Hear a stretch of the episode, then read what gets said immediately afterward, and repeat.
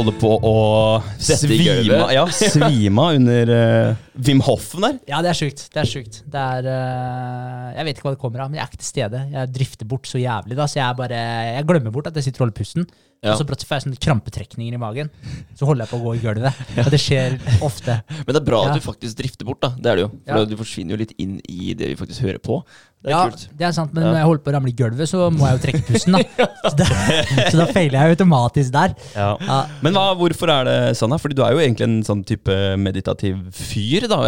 Hvis det er lov å sette deg i den båsen der. Vi har jo snakka om grupperinger og sånt noe tidligere i dag, så det er vel egentlig ikke helt innafor. Du er eh, Henrik, du. Eh, Men eh, ja, hva, hvorfor klarer du ikke den her, når du klarer liksom å sitte i en time og meditere? Jeg vet hva, jeg har faktisk ikke peiling. Fordi hvis jeg går, for innimellom så går jeg veldig inn for det eh, før, og så bare, nå skal jeg klare å holde pusten. Og så er jeg bevisst på det eh, mens jeg holder pusten. At nå skal jeg klare å holde pusten så og så lenge.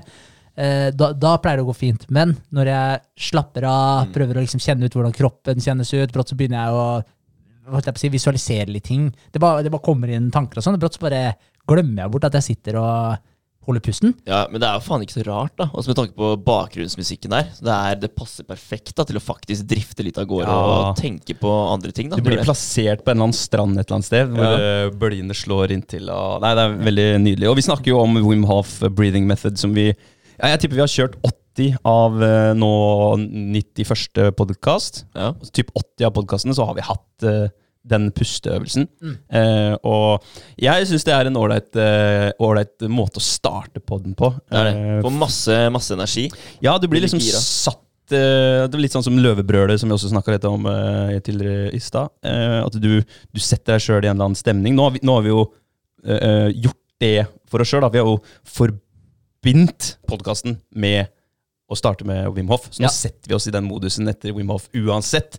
Det er jo som uh, hånd i hanske, det nå. Ja, det blir en liten sånn trigger i forhold Trigger, til å ja, få opp stemninga, få opp energinivået, da vet du at eh, da er du klar. Bortsett fra når du detter i gulvet, da. Og Ja. da er det ikke stemninga opp, og ambulansen er på vei og sånn etter Ja, hvert. Da, ja, det, har, heldigvis ikke vært så ille. Jeg har klart å ta meg i det, for jeg pleier å komme til hektene når jeg mister balansen. ja. Men uh... Det er jævlig spesielt, ass. Det, fordi noen ganger så er jo du den som holder lengst, og så andre ganger så er det bare Så er du off, på en måte. ja, ja, men det er som sagt det er da jeg, det er da jeg forsvinner. Altså. Ja. Bare jeg er, ikke, jeg er ikke bevisst på det jeg holder på med lenger. Jeg bare drifter helt vekk. Ja, For du lager noen lyder. Jeg vet ikke om vi klarer å gjenskape de lydene. Altså.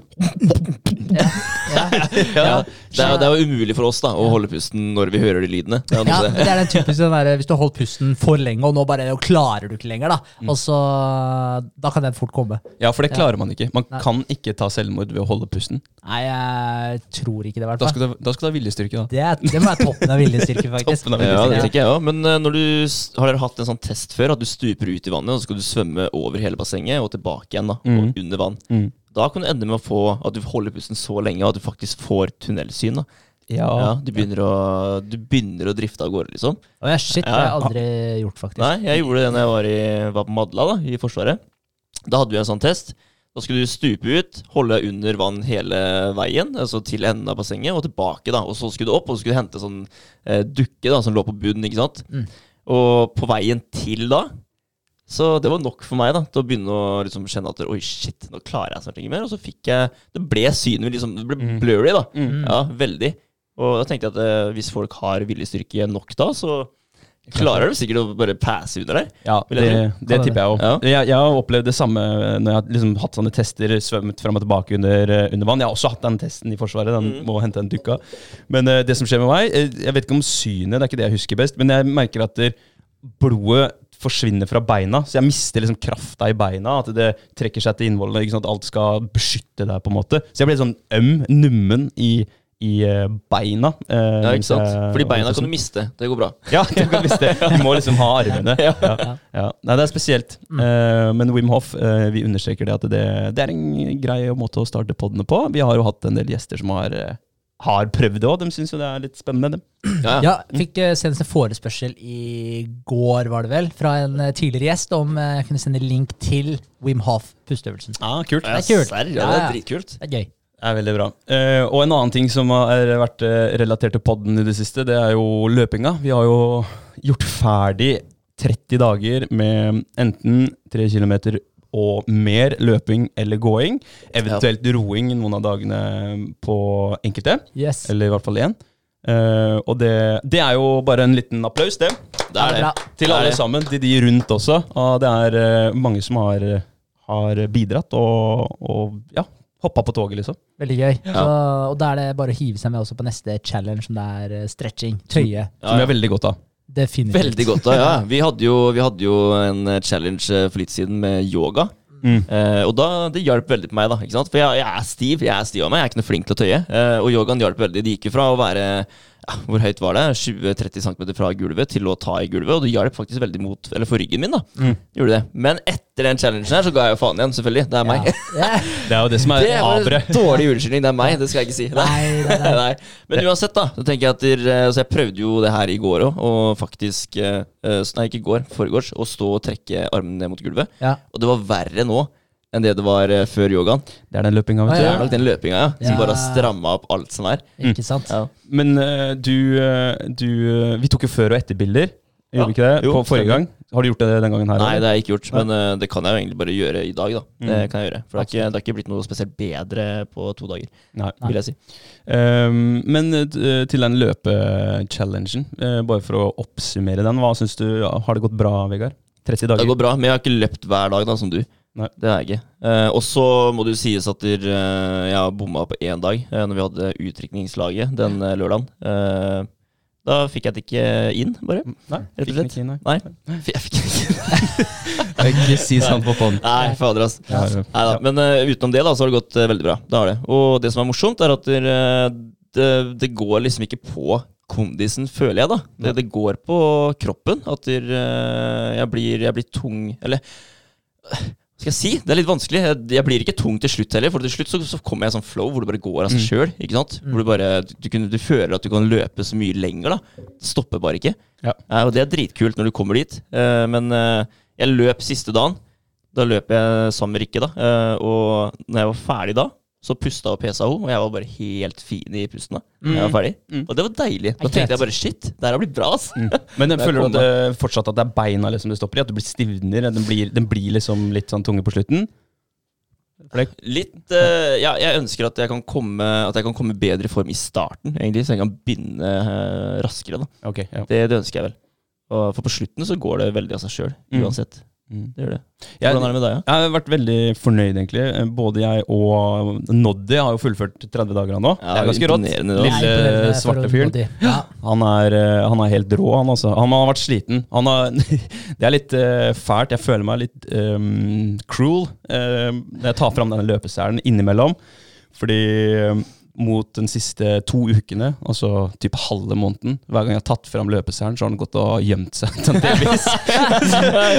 Men Klinker borti hjørnet der, ikke Ja. ja, han, han bare trekker seg unna, og så typ legger seg ned et eller annet sted. Og så Ja, ja, nei, men da blir du hjemme, da. Og så går jeg og tar tak i dørhåndtaket. Da kommer han etter. Han, han vil jo egentlig. Eh, men det kan hende at han syns særen er litt ubehagelig, så vi har drevet og veksla mellom to seler. da Fordi moren til Noddy eh, Jeg liker egentlig ikke å kalle Kristin for moren til Noddy, fordi Noddy har ikke kommet ut av henne. Men hun har kjøpt to seler, Ja. så hun er veldig snill. Tenker på, Mm. tenker på hunden. Ja. Det er hyggelig. Ja, um, men vi har løpt um, Jeg har fått loggført alle på Strava. Alle 30 øktene. Og noen dager har det blitt to løpeøkter òg, faktisk. Ja. Så det har vært ganske bra. Det som er kult å se, da, det er at der, pacen har gradvis øka seg. Og så fikk den en liten dipp når jeg var i Danmark, men der var det litt øl også. Så det, er- man ser fort effekten av litt alkohol, altså. Ja. Eh, og så har den eh, øka igjen. Så nå er jeg på en av mine raskeste sånn type um, halvmils-pacer noensinne, egentlig. Uh, bortsett fra når jeg skulle inn i Forsvaret. Da hadde jeg ganske bra pace. Da lå jeg på typ ja, tre kilometer på underkant av 11, sånn 10-40 eller noe sånt nå. Oi. Og det er ganske bra. Det er bra. Ja, det er bra. Det er bra. Nå er jeg på ja, typ 14, så det er eh, siden militæret så har det forbedra seg. Eller så, så har det ikke jeg har, ikke jeg har ikke nådd den igjen, da, for å si det sånn. Nei. Men uh, det ble 150 km på de uh, Drøye 150 km på de 30 dagene. Ja, Det er lekent. veldig bra. Det er det. Ja, jeg også syns jo det. Også helt til jeg spurte hun, kollegaen min, Anne Guttormsen. da, Mm. Hun, har jo, hun løper jo hver dag, hun uh, hun har ikke posta, hun skulle gjort det. Men uh, ja, hun føler, føler at det blir bare skryting, så, så hun gadd ikke. Sa det at, Ja, man men kan skjule seg bak en eh, dypt vann-challenge. Ja, kan jo det. Da, da er det greit. ja, jeg sa også det. Du, du trenger ikke å si hvor langt du løp. Du kan bare si tre kilometer pluss check. Du trenger ikke å si de to mila du løp uh, hver dag, liksom. For hun sa at ja, ja, men jeg løper For jeg spurte henne da, hva løper du da? Mellom em, 10 mil og 15 mil i uka.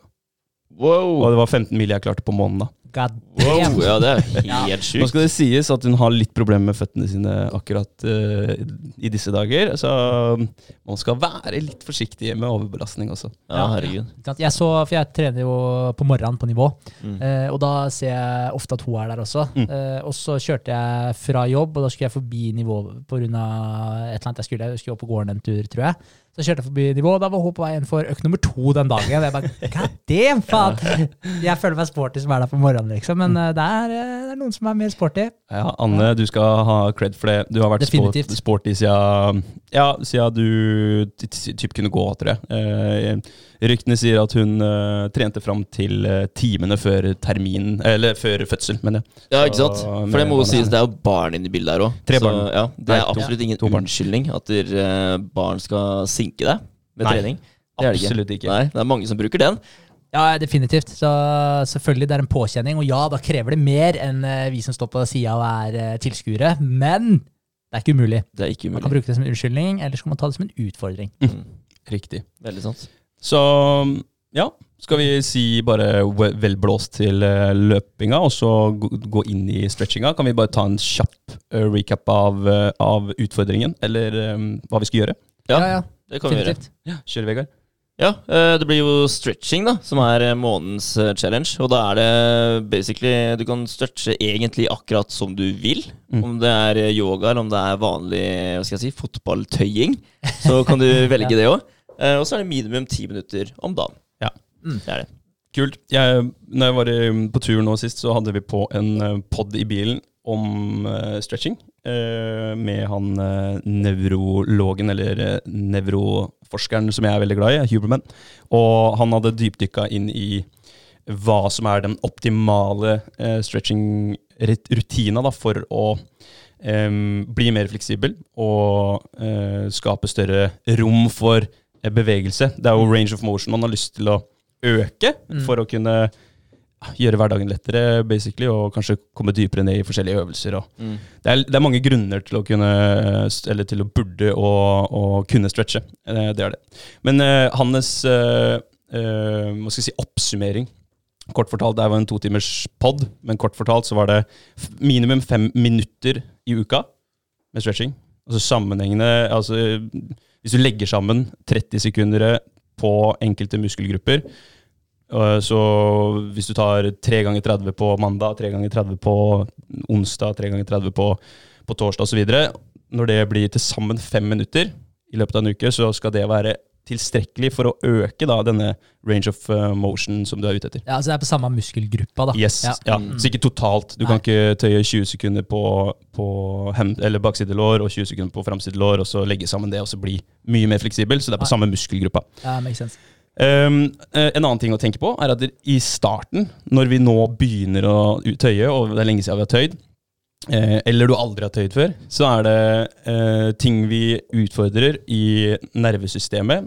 Vi har jo en kropp som er satt sammen sånn at vi helst ikke skal ødelegge oss. Mm. Så det vil si at når vi tøyer en, eh, et ledd, da, eller en, et um, eh, Hva skal vi si Et eh, ja, Handa di eller uh, beinet ditt, et eh, lem, langt bakover, så er det jo noe Det må jo stoppe et sted. Så det er jo mekanismer som er satt på plass for at vi ikke skal kunne dreie rundt. Så det er jo sånne synapser som fyrer, sånn at du skal kunne trekke tilbake før det er for sent. Så typ sånn bremser en bevegelse.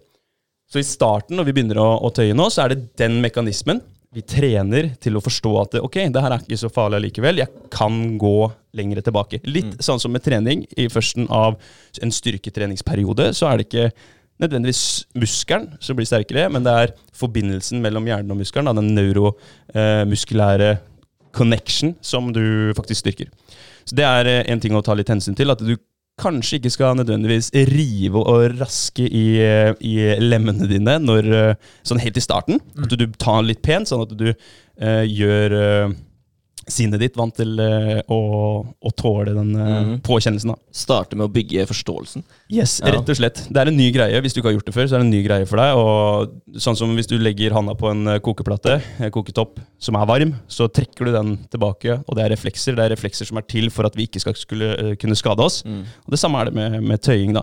Eh, så når du har bygd opp den, og kjenner at eh, det begynner å hjelpe litt, så kan man eh, sakte, men sikkert legge på, på trykk. Da. Og et, en god eh, idé å ha med seg når man tøyer, er at eh, det gjør litt vondt. Så det første som skjer når du drar i, i muskelen, er jo en sånn au-reaksjon. Og det, Mm. det forstår jo kroppen, så den strammer jo muskelen litt da. Så du må på en måte ta litt rolig, puste litt. Ved hvert utpust man har, så sier man jo til kroppen at nå skal du slappe av litt mer. Hvert utpust senker også pulsen litt. Og det her er jo ting som henger veldig sammen. Mm. Roligere puls er også et roligere system. Systemet er jo helheten, ikke sant? Ja, ja. Så, så hvis du tenker da at du først skal fortelle muskelen at eh, nå, nå skal vi bare slappe av, eh, og så begynner du å legge deg litt på. Mm. Så basically, da. Men sa noe i forhold til det med sånn ballistikk-tøying eller holde eh, øvelsen? Hva som var mest effektivt av det? Yes, eh, De forskjellige stretching-metodene gir litt forskjellige eh, resultater. Den mest effektive eh, for folk flest, det er den eh, lavintensive statiske tøyinga, hvor du holder. Okay. hvor du legger deg på. Men så er det jo forskjellige intensjoner for forskjellige formål også, da. Eh, eller forskjellige intensjoner for tøyingen. Eh, hvis du da tenker du skal øke mobiliteten innenfor en øvelse, så kan det hende at du skal ha en dynamisk stretch. Mm. Type, Skal du komme lenger ned i en knebøy, så må du eh, jobbe med litt rotasjoner, åpne opp litt i hoftene, litt i, i setet, litt i hamstring. Litt forskjellige deler rundt ledda som skal jobbe, da. Eh, og ledda som skal jobbe i en knebøy, er jo primært rundt hofteleddet og rundt kneleddet. Eh, så eh, all over for de fleste statisk. Lavintensitet eh, fordi at folk flest takler det mye bedre enn høy intensitet. Og da snakker man at man legger full force med en gang. Det er høy intensitet. Lav intensitet, da bruker du metoden som er beskrevet nå, hvor du sakte, men sikkert øker belastningen på muskulaturen. Mm. Så det er en, en fin regel. Fem minutter. Og så forska de på, eh, for det her er mange som spør hvor lenge skal jeg holde. ikke sant? Hvor lenge skal jeg holde, hvor mange ganger i uka må jeg gjøre det? Men fem minutter eh, på uka, hvor lenge skal jeg holde? De sjekka ut forskjellen på to grupper. Eh, hvor den ene gruppa Det er en studie, jeg kan ikke navnet på studien, men den ene gruppa holdt i 30 sekunder og over en viss periode.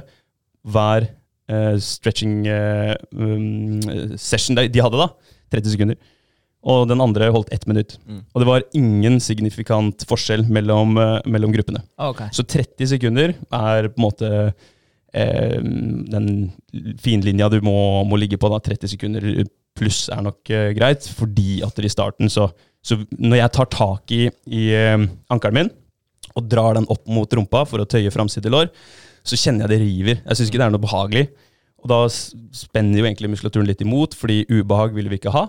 Så må jeg la han få litt tid til å, å venne seg til eh, bevegelsen. Mm. Så 30 sekunder, øh, tre ganger, så tre sett av 30 sekunder på en muskel per session. Og så adder du det opp til fem minutter i uka. Det er øh, hovedregelen. Ja. Så er det jo å klare å få kroppen til å slappe av, da. Mm. Det er jo det er vanskelig i seg sjøl, bare det. Men uh, der syns jeg eh, yogaen eh, kommer veldig fint inn. Altså, se, på, se på en guide på YouTube, f.eks., med en uh, dude eller en uh, dame som forklarer litt rundt det mens du gjør øvelsen. da. Helt Det er veldig fint. Det er den der, ja, det er den der med takk på, men det med pusten, altså hvor viktig det er. Det der Ja. med å slappe av, klare å slappe av. Fordi ja, si, instinktivt, når du begynner å gjøre vondt, så stopper du også å puste. Ja. holder du pusten. Eh, Så det, så det som du er inne på, André, i forhold til det med å puste og fortelle kroppen at nå skal du slappe av, men også det å fokusere på den muskelen som du prøver å, prøver å tøye, Mm. og faktisk gå litt inn i den, på like linje med som når du trener. Du får en helt annen treningsøkt når du faktisk fokuserer på den muskelgruppa som du prøver å trene. Eh, og det samme gjelder tøyinga også. Så når du sitter i en eh, positur da, hvor du, har, eh, hvor du holder på å stretche, og du kjenner at det her tar bra, liksom, prøv å ikke dra noe mer. Prøv å bare puste, og prøv å komme deg dypere i den posituren ved å faktisk bare puste. Fokusere på det området som skal tøye, og så puster du dypt inn og dypt ut. Og når du puster dypt ut, da, så prøver du bare å legge deg enda mer på. Mm. Det, det er noe av det beste jeg vet med å typ ligge i en, um, en pigeon stretch, eller den derre hvor du krysser uh, foten under kroppen og legger deg over. Mm. Hvis du da uh, gjør det, og begynner å fokusere på pusten, dype åndedrag, og du etter hvert, da, på kanskje åndedrag nummer Man bruker kanskje seks, syv, åtte sekunder per dype åndedrag. Så på åndedrag nummer fire, da, da har du ligget over, over 30 sekunder. Kanskje da begynner jeg å kjenne at eh, muskulaturen faktisk gjør som jeg sier. da. Du forteller den jo at du, nå, nå skal du slappe av. Nå, nå er vi ikke i en uh, høyintensitetsaktivitet, vi er i en lavintensitetsaktivitet. Nå skal du slippe det. Jeg ser for meg at muskelfibrene det er jo det er jo fibre, det er jo, øh, det er jo deler som henger ved hverandre, som drar i hverandre. Jeg ser for meg at de henger sammen som fingrene mine som interlokker. da. Så ser jeg for meg at ved et utpust så slipper de sånn sakte, men sikkert. Og det er sånn det føles ut i setet akkurat da, og når jeg legger, eller lar kroppen eh, falle litt dypere ned mot gulvet. Og kjenner at muskulaturen eh, blir litt, grann, eh, ikke lenger, men han blir litt mindre tens. da. Ja. Men, men jeg tror det der med det du gjør der, å visualisere det, jeg, jeg tror det hjelper eh, kroppen din å forstå hva det er du faktisk holder på med. At du hjelper kroppen din å slappe av akkurat på det området der. Så jeg, jeg tror at du automatisk, når du visualiserer det, så vil du på en måte eh, eh, klare å eh, gi kroppen din de instruksjonene som kroppen din trenger for å faktisk dra det fra hverandre. Mm. At det er en liten sånn en shortcut, om du Ja. skjønner hva jeg mener. Ja, ja, Ved å visualisere det. Hvis, hvis du sier til meg at André, eh, kan ikke du hoppe over bordet her i dag? Og så bare eh, Nei. Eh, hvorfor skal jeg det, liksom?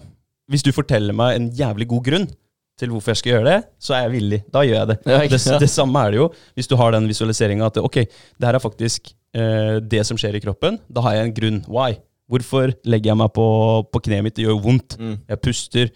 eh, ting skjer, men hvorfor gjør jeg det? Og den visualiseringa og forklaringa til deg sjøl, da.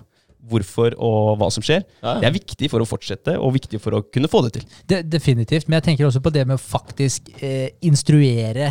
Muskelen din, hva den skal gjøre, og når du ser for deg det, at det hjelper faktisk å få ja, å bare få akkurat til den riktige bevegelsen. Mm. For i tøying, altså det er, ikke, det er ikke mange gradene av en vinkel som skal til for at det tar på et uh, annet sted, eksempel spesielt i pigeon pose, Mm. altså hvor uh, rett du har benet ditt, altså hvordan uh, stilling du har hofta di, hvor langt du legger deg frampå. Mm. Altså alt det her har jo å si på hvor det faktisk strekker en. Og, og det med å visualisere det, hvor du vil at det skal strekke, og så på en måte gå hva skal jeg si, litt sånn mentalt da, inn i den muskelen der, så tror jeg det også vil hjelpe deg å rette opp kroppen din, legge på den riktige vekta di, holde vinkelen på beinet i den posituren som det skal til for å faktisk nå det stedet der. Så jeg tror du hjelper å instruere kroppen din bare ved å visualisere akkurat det du sier, da, i forhold til muskelfibrene, som du da trekker fra hverandre. Ja, uten tvil. Ja, kult, da. Da får, du, da får du tatt mye mer kontrollen da, Jeg over kroppen din. Jeg tror det er veldig gode poeng. Kontroll og, og ikke minst visualisering. Og jeg merker den der pigeon pose er et veldig god eh, et godt eh, bilde, godt, eh, hva skal jeg si, en, en god beskrivelse, da. Eller ja, det, er- det er et godt eksempel, Mm. faktisk, på, på hvordan og hvorfor eh, disse eh, forklaringene vi kommer med nå, eh, er bra. Fordi at der, eh, jeg merker også, når jeg forteller til meg sjøl at der, det er det her som skjer, hver gang du puster ut nå, så klarer eh, disse fiberne å slippe litt mer opp. Hvert utpust forteller dem at nå skal vi ikke gjøre noe annet enn å bare gi etter. ikke sant? Og jeg merker også at Hvis jeg flytter da fokuset opp til magen, og puste dypt ut med magen og la kjernemuskulaturen slappe litt av. Fordi den er- ofte litt i veien. Hvis du er hard i magen, at kjernen er på, så vil i hvert fall idet du skal legge deg dypt ned, hvor overkroppen faller over kneet. Noen ganger så har du ikke lyst til å gjøre det hvis du skal ta den på et litt annet sted, men når du skal falle dypt ned, så er den i veien. Så hvis du da tenker ok, fall dypt ned til gulvet og la magen slappe av det er, Jeg kødder ikke. Du kan hende du fem-ti centimeter lengre ned kommer du med overkroppen, og da får du også dratt enda litt mer i enkelte deler av setemuskulaturen din. da. Ja. Det er eh, veldig, veldig lurt. Mm. Så kort oppsummert, fem minutter, 30 sekunder per sett per muskel. Eh, og så er det egentlig bare å gjøre det. Eh, jeg Ja. tenker ti minutter hver dag. Da har vi god tid på å få de fem minuttene i uka. Ja. Så får vi se hvor det bærer hen. Definitivt. Jeg tenker også at det er aldri for sent å slenge seg med. Det er bedre å slenge seg med på dag fire eller dag fem enn å ikke slenge seg med i det hele tatt. Ja, ja, Eh, ja, jeg, helt jeg har glemt helt bort. Jeg skulle ha delt den der videoen som vi la ut på Instagrammen, men det kan jeg jo gjøre nå. Mm. Fortsatt ikke for sent. Det kan vi gjøre nå. Veldig sant. Og for de som eh, ikke følger oss på YouTube og Spotify, eh, og rate oss gjerne på Spotify også, eh, og ja, subscribe, for eh, det trenger vi. Definitivt. Ja. Veldig gøy. Eh, jeg tenkte i dag at vi skulle snakke litt om eh, psykologien rundt penger. Oi, Ja. Kult. Ja, Ja. jeg, leser, jeg leser en bok om dagen som handler om akkurat det. Det er tittelen på boka, 'The Psychology of Money'. Veldig dagsaktuelt også, da. Ja, det er nok veldig Det er, det er et tema som passer veldig godt inn i alt som skjer rundt i markedet. da Ja. Det jeg. Det blir dyrt. Alt blir dyrt. Alt, blir dyrt. Ja, det gjør det. Så, så jeg har prøvd å dra noen paralleller til det også, i forbindelse med det vi prater om. Mm. Uh, men uh, essensen av boka, uh, det handler om hvordan man gjør det bra med penger. Eh, og at det ikke nødvendigvis har med hvor smart det er å gjøre, men at det har mer med atferden din å gjøre. Mm. Og det er jo Det er jo veldig En sånn veldig Hva skal jeg si oppmuntrende eller positiv idé. For da betyr det at det er kanskje ikke så farlig hva du er født med, men det er heller eh, nøye med hvordan du hvilke eh, valg du tar per nå. Ikke, ikke så nøye hvilke kort som er delt ut til deg, men hvordan du spiller de. Definitivt. Det, Ja. er ikke, det er ikke for sent å endre rytmen, da. Nei, det er akkurat det. Og, og det tenker jeg det er jo en, det er en oppmuntrende greie. En Mm. positiv greie. Eh, og en annen ting også, det er at atferd er veldig vanskelig å lære bort. Og selv om du er en veldig smart person, så kan det være veldig vanskelig å endre atferd. Eh, og det kan sikkert kanskje være enda vanskeligere også hvis du er eh, veldig smart, hvis du har høy IQ, altså du er, kanskje du er superrasjonell. Mm. Så kan det være enda vanskeligere faktisk å lære deg andre ting, fordi du har så mange grunner til hvorfor du ikke skal gjøre det. Da. Så tenker du at du er så smart som du er, og da Det er litt sånn der ego, eh, egentlig. Ja, og så tror jeg er det samme som eh, disse vanene vi har snakka om. Og jo mer innlært du er i en eller annen rutine, jo vanskeligere er det å, å Bryte den, ja. ja. Ja, Jeg tror eh, det derre eh, si, eksempelet med han han som bygde en sykkel, bygde om styret på sykkelen sin til at Ja. hjulet skulle eh, snu motsatt vei Mm. av dit han svingte.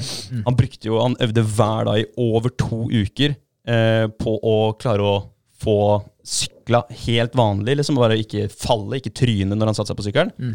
Og så skulle han sette seg på en vanlig sykkel igjen, så tryna han jo med en gang han satte seg på den. Ja. Men jeg, tror, jeg trodde han ikke engang klarte faktisk å lære seg å sykle ordentlig på den måten. Ja. Jeg tror han gjorde det etter hvert. Okay. Jeg tror det tok dritlang tid. Over Ja. to uker. Jeg husker ikke hvor, eh, hvor lang tid det tok. ja, for jeg trodde det var snakk om måneder, typ, liksom. Ja, jeg trodde det var helt sjukt. Ja. Ja. Det er bra det. altså. jeg, husker, jeg husker det faktisk. Når jeg var liten, så skulle jeg Jeg var opptatt med ene hånda. Og så var det et eller annet som gjorde at jeg var nødt til å styre med høyrearmen på venstre Ah, side av rattet. ja. da Ja, Og tenkte Ja, ja. Det skal Ja. gå helt fint. Ja.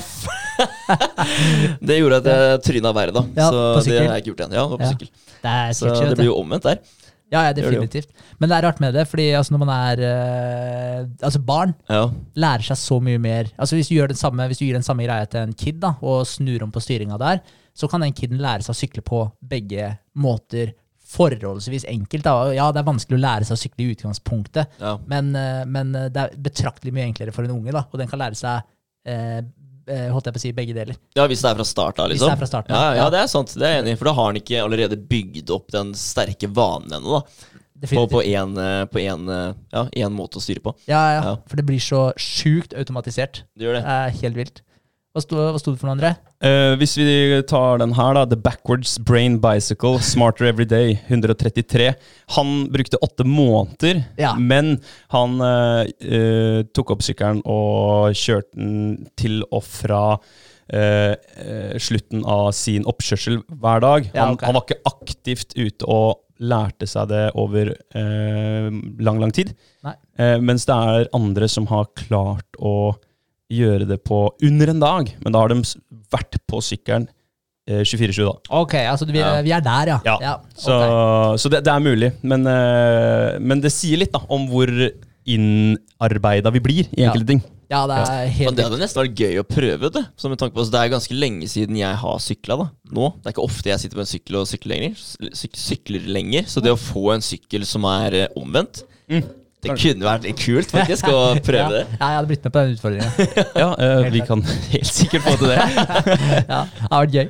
Uh, men et av, i forhold til det her med psykologien rundt penger, da, et av de store problema uh, i samfunnet i dag, det er at folk ikke snakker om penger. Altså Det er tabu å snakke om penger. Det er nesten sånn at når man snakker om det på poden nå, så er det litt sånn det, altså det er fort tabubelagt. da. Man Ja. kanskje føler litt på det, at det, en gang, med en gang man snakker om penger, at man føler at man blir tillagt visse kanskje karakteristikker eller egenskaper som man kanskje egentlig ikke har. Eh, men, eh, men man får fort den derre Ja, men penger er ikke alt. Mm. Man, man får fort den slengt i trynet da, hvis man eh, i det hele tatt eh, har baller nok til å snakke om at man har lyst til å tjene mer, eller har lyst til å få til et eller annet for å få en bedre økonomisk frihet. Hva enn det måtte være, så får man fort den eh, slengt i trynet. Ja, ja. Eh, og det er sånn Greia er at det, uansett hvordan man vrir og vender på det, penger spiller en ekstremt stor rolle. Er det det viktigste av alt? Altså Det er en idiotisk, et idiotisk spørsmål i utgangspunktet, for det blir som å si at der, er venstrearmen din det viktigste av alt, eller? Nei, men den er jævla viktig. Mm. Eh, og det samme er det med penger, liksom. Nei, det er ikke det viktigste av alt, men, men den er, det er jævlig viktig. For har du ikke en dritt, så, så kan du ikke gjøre noen verdens ting heller. Du kan faktisk dø, da. Ja, Ehm, jeg tenkte litt på det før uh, podden i dag, eh, på det med penger. Hva er det for noe? Um, penger er en verdi. Uh, du, kan, liksom, du kan bruke dette ganske mye. Du kan kjøpe en ting, du kan bytte, du kan uh, spare, du kan gjøre mye. Men det er, det er en verdi, da. Det er jo det basically, basically det er. I dag så har du penger på forskjellige måter. Du har det fysisk, så du kan bytte eh, sedler mot en vare. Eller så har du penger som en verdi på en konto. Eller så har du det som en verdi i en bolig. Det er så mange måter å ha det på, men det er en verdi. Eh, og vi har også noen andre typer verdier. Vi har noen sånn personlige verdier. Jeg har verdier som uh, er med på å forme min personlighet og hva jeg gjør i hverdagen min. Så verdi, meg, og verdi, uh, valuta, det er faktisk uh, Det er nesten hele livet vårt. Mm. Så verdi er mye av det som gjør oss til mennesker. Mm. Dine verdier, hvor tar de deg igjen? Hvor, hvordan gjør de sånn at du tjener penger for å forsørge din familie? Mm. Så det er, det, er, det er faktisk ganske viktig. ja, Ja, ja. Og ikke bare er din ikke familie, da. Altså, du kan faktisk hjelpe veldig mange andre mennesker da, hvis du tjener gode penger. Mm. Det er noe med det da. Har du ikke penger, så får du ikke Du får så vidt hjulpet deg sjøl. Ja. Ja, og familien din. Men hvis du tjener mye penger, så har du faktisk muligheten til å bidra til så utrolig mye annet. ja. Det har du. Du har det. du har Ja. det. Jeg så han derre Mr. Beast. Han bidro igjen, han, vet du. Han med Ja. 600 Var det Nei, tre var det, var det tre millioner dollar til uh, Ukraina-krisen, liksom? For, eh, folkehjelp, da, med nødutstyr og sånt noe. Ja, ikke sant. Så, Ja. hva, hva, tenk deg det. Der har du en fyr da, som har starta en YouTube-kanal, liksom, og nå sendte han bare 30 mill. 30 mill Ja, ned til uh, Ukraina for å hjelpe til der. Det er jo helt sinnssykt. det er sykt. Det, men der ser du også, da. Så det er ikke sånn der, eh, og det kommer jeg også litt til, da, i forhold til det her med at det, effekten av at man ikke snakker om penger, det gir veldig mange folk en falsk idé om hva penger faktisk er. Og det er en ting jeg har skrevet der, det er at eh, penger er ondskap. Men, men nei, altså penger gjør deg mer av det du egentlig er, og Mr. Beast han er åpenbart en god fyr. Og da ser du at han hadde faktisk muligheten til å bistå noe med 30 millioner kroner, fordi han faktisk har opparbeida seg bra med kapital. Helt klart. Eh, og det, det man også skal tenke litt på, det er jo at eh, som du var inne på, altså penger, pengene er noe av verdi. Noe som vi har på en måte har blitt enige om at det her er av verdi, og det her kan vi bruke som et middel til å egentlig bytte. For det er jo egentlig det man gjør. Mm. Man blir enige om en pris for et eller annet.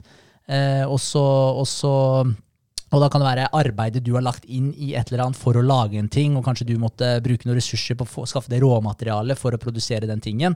Og alt blodslitet som du har lagt i den. Og så har jeg jobba jævlig hardt for de pengene som jeg har her, og så blir vi enige om at jeg kan gi deg så mye av det jeg har her, mot, i bytte mot den tingen du har. Og da er begge sånn tålelig fornøyde. Så, så det er på en måte et middel for å bytte. Altså Før så bytta du jo kameler og ja, forskjellige råvarer før vi hadde penger. Ja, ja, da gikk det i gjenstander, da. Yes. Så, ja, og så gikk det over til Hva heter det for noe? Eh, Metaller. Ja, edle metaller. Mm. Ja, Jern og kobber og gull og alt som var. Ja. Så hadde du jo skinn og ja, dyr, og det hadde, du hadde jo det simultant med, med edle metaller. Så du, og du har jo det fortsatt. Du bytter jo gjenstander fortsatt. Du bytter jo inn bilen din mot en annen bil, ikke sant. Så det fins jo Men det er litt Helt kult, det òg. Vi har alltid vært sånn. Vi har Ja, ja. alltid hatt en eller annen ting som vi mener er av verdi, som vi har bytta oss imellom. da Og så har det til slutt endt opp i penger, da. Ja. Ja. Og, og det er jo egentlig Og det er jo helt genialt også, når du tenker på at det, det er veldig upraktisk å drive og bytte kameler. For det er sånn Ja, men det er ikke sikkert jeg har lyst på en kamel. Men ja, kamel, åpenbart så er det universalt av verdi, da, fordi ja, det kan gi- sikkert gi deg Jeg regner med at det gir deg melk, og uten at jeg kan så mye om kameler, men det, er sikkert, det gir vel sikkert melk, Ja, så er det transport, da. Ja, det er transport, og du har typ, sikkert mat, og jeg, Sikkert faen, jeg er sikkert kamelkjøtt. spiser kameler og, Mm. Ja. Man har kjøtt på kroppen, så jeg regner med å bli spist òg. Jeg kan veldig lite om kameler, det hører jeg da. Skuffende. Ja, Dedikerer en episode til kamel. Ja. Men point being, da, det, det kan være at jeg har egentlig ikke lyst på den kamelen, eh, men jeg har lyst på et eller annet som du har. Jeg har lyst på jævlig mye mel da, Mm. eh, til bakeriet mitt, f.eks. Uh, og så er det sånn, eh, men kanskje jeg skal skaffe meg en kamel da, fordi du har lyst på en kamel, og så må jeg bytte den kamelen med deg. Men det er sånn, jeg må fortsatt ha en vare som du har lyst på for at vi skal få til en byttehandel. Ja. Og så kan ikke jeg bytte en kvart kamel, for det har veldig lite verdi. Jeg må bytte en hel kamel, Mm. og da kanskje jeg må få ekstremt mye mel av det, da, fordi den kamelen er verdt mye. Så, så det er veldig upraktisk å drive og bytte gjenstander. Det er det. Ja, fordi du, kanskje du må få mye mer av en ting enn det du egentlig trenger av den tingen. Ja. Så derfor er jo det med penger som en valuta, da, eh, eller det med edle metaller, gull, sølv, kobber, eh, de tinga som kom etter hvert, eh, det, ble jo, det ble jo egentlig en form for penger, det også. Mm. Da var det noe som hadde sånn en felles verdi som man faktisk kunne dele opp mer da, og, og bytte med hverandre før pengene kom. Men det er, jo, det er jo noe med det å tenke på det. Det er jo et transaksjonsmiddel som vi har blitt enige om at har verdi. Mm. Så det å si Ja, hva skal jeg si? I og for seg at penger i seg sjøl er lik ondskap, det er en veldig feil måte å se det på. Da bor vi i helvete, da. Vi bor jo i et hus som er av verdi, som har blitt kjøpt med penger. Mm. Eh, så du, det, da bor du i ondskapens hotell, faktisk. ja. Ja, det blir jo helt feil. Da. Det, Mm. det kommer jo helt an på hva du velger å gjøre med pengene. Altså, hvis, vi, vi har alle blitt enige om at penger er det vi bruker eh, som et eh, transaksjonsmiddel, da, som du sier. Mm. Ja, Så hvordan kan det være ondskap, da? Det blir helt feil. Alle Ja. er jo for så vidt enige om det. Det er sånn verden opererer. Yes. Men Jeg tror når noen har mer enn andre, så blir det eh, et stigma, eller det blir en eller annen sjalusi. Ja. ja. Egoene kommer eh, mer fram når noen har mer enn andre. Mm. Garantert. Men, men det der med tabu, da. Altså, jeg føler at Norge er skikkelig tabubelagt eh, med penger. Altså det å vite hvor mye andre tjener. da Så jeg tenker, det, det er så synd nå, da. Fordi hvis, hvis ingen av Si kollegaene dine, da. De vet ikke hva du tjener, du vet ikke hva de tjener. Så det er jo perfekt da for arbeidsgiveren din å bare presse det her ned. Mm. Ikke sant? Det er jo hvis du, hvis du forteller meg hva du tjener, og jeg forteller deg hva du tjener, altså, eller hva jeg tjener, så kan du plutselig finne ut at ok, Vegard tjener mer enn meg i samme stilling. Det er ikke greit. Nei, Så da må jeg gå til arbeidsgiver da, og spørre om å Eller fortelle det her, da. At dude, Vegard tjener faktisk mer enn meg, og vi gjør akkurat den samme jobben. Så jeg må få mer, jeg òg. Mm. Ja, men det er veldig mange som ikke liker å prate om det. da Jeg syns det er synd, og det har vi snakka om flere ganger på jobben nå. Og hvis jeg spør noen hvor mye fikk du, så er det vanskelig for mange å faktisk si hva de fikk. Altså. Ja.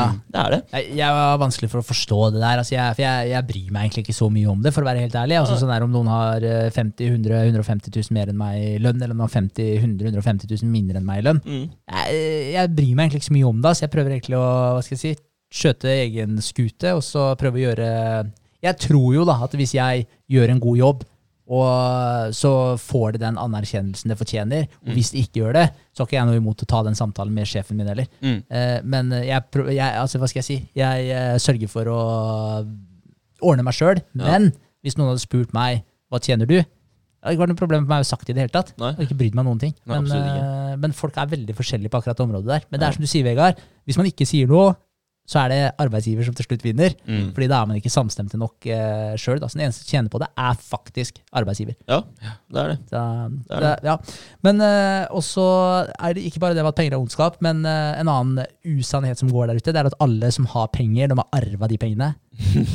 Så det er bare sånn, eh, og det, og det går også inn i det tredje punktet, som er at penger er flaks. da. Ja, At liksom, ja, ja. ja, alle, alle som har penger, de har bare hatt flaks. liksom. Enten blitt født inn i det, eller så hadde de et eller annet lykketreff med en eller annen oppfinnelse som bare er sånn fy faen, jeg kunne ønske jeg kom på det. altså Hadde jeg kom på det, så hadde jeg vært rik òg. Sånn, nei, det hadde du ikke, for du hadde ikke lagt inn de der 140 000 arbeidstimene som han personen der la inn før, eller han eller hun, unnskyld, Mm. eh, la inn for å faktisk komme dit de kom. Mm. Det er, det er så sykt mye mer som ligger i det. Det er ikke bare at det ramla en idé i huet på dem, og så bare ramla det penger inn etterpå. Nei, nei. Mm. Bare, bare vent. Når vi blir, når vi blir rike, så, så er det flaks. Ja. bare vent. Bare vent. Ja. Det det. Men det er jo typisk, da. Du hører jo det når folk sier eh, Si Elon Musk, da. For eksempel. Altså, han er en rik eh, jævel. Men han har jobba så sjukt for det òg? Han har holdt på i alle år, siden han var jo ung. Ikke sant? Duden driver seks selskaper. Ja, ja. Selvfølgelig har han eh, midler. Ja. Det er x antall timer som går i å drive de selskapene her òg, da.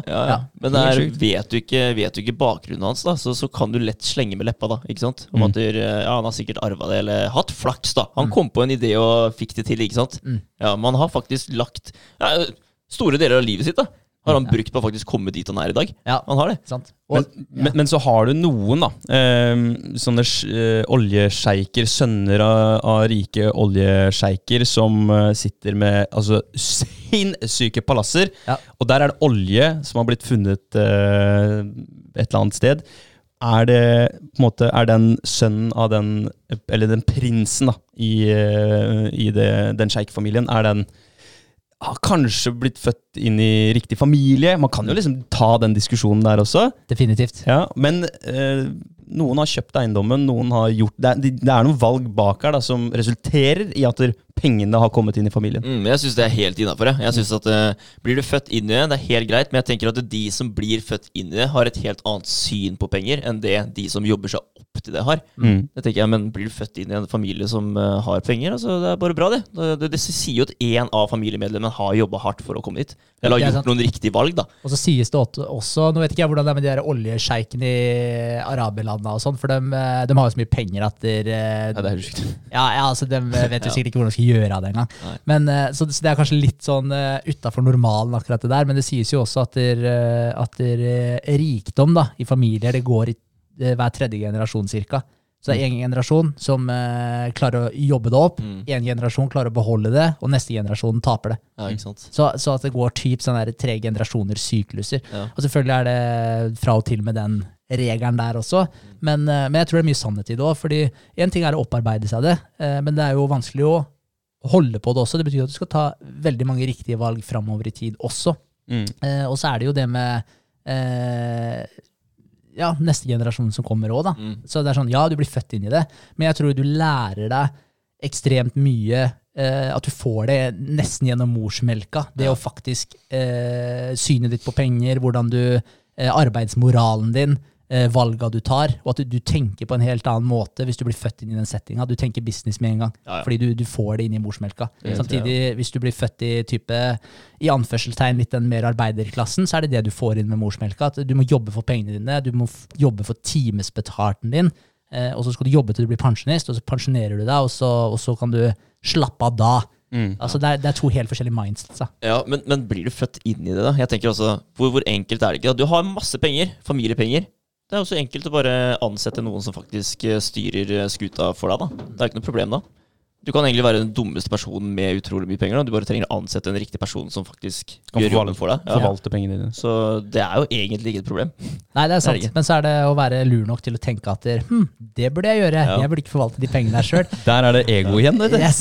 Nei, jeg klarer det. Null stress. ja, så, ja, nei, så det er, eh, men poenget da, det er at det her er tabugreiene i forhold til det at vi ikke eh, snakker om penger. At det gjør jo at det det er mange usannheter. Da, at man får et sånt feilaktig bilde på hva faktisk penger er, og, og hvilken nytte det gjør, og egentlig eh, ja, i forhold til om det er et verdig mål å ha eller ikke. Mm. Det med å faktisk prøve å opparbeide seg mest mulig. Mm. Og jeg tror de fleste også som faktisk setter seg det som mål, da tenker at fuck nå skal jeg prøve å ja, opparbeide meg mest mulig, og, og uavhengig av hva du har lyst til å gjøre med det, da, forhåpentligvis har du lyst til å gjøre noe godt med det, men, eh, men de som setter seg de måla, jeg tror ikke det er så mange som snakker høyt om det heller, Nei. nettopp fordi de, er, eh, de møter motstand på alle, alle kanter. Ja. Mm. Men du mister også grepet på hvor, eh, hvor, hvor markedet ligger hen. da.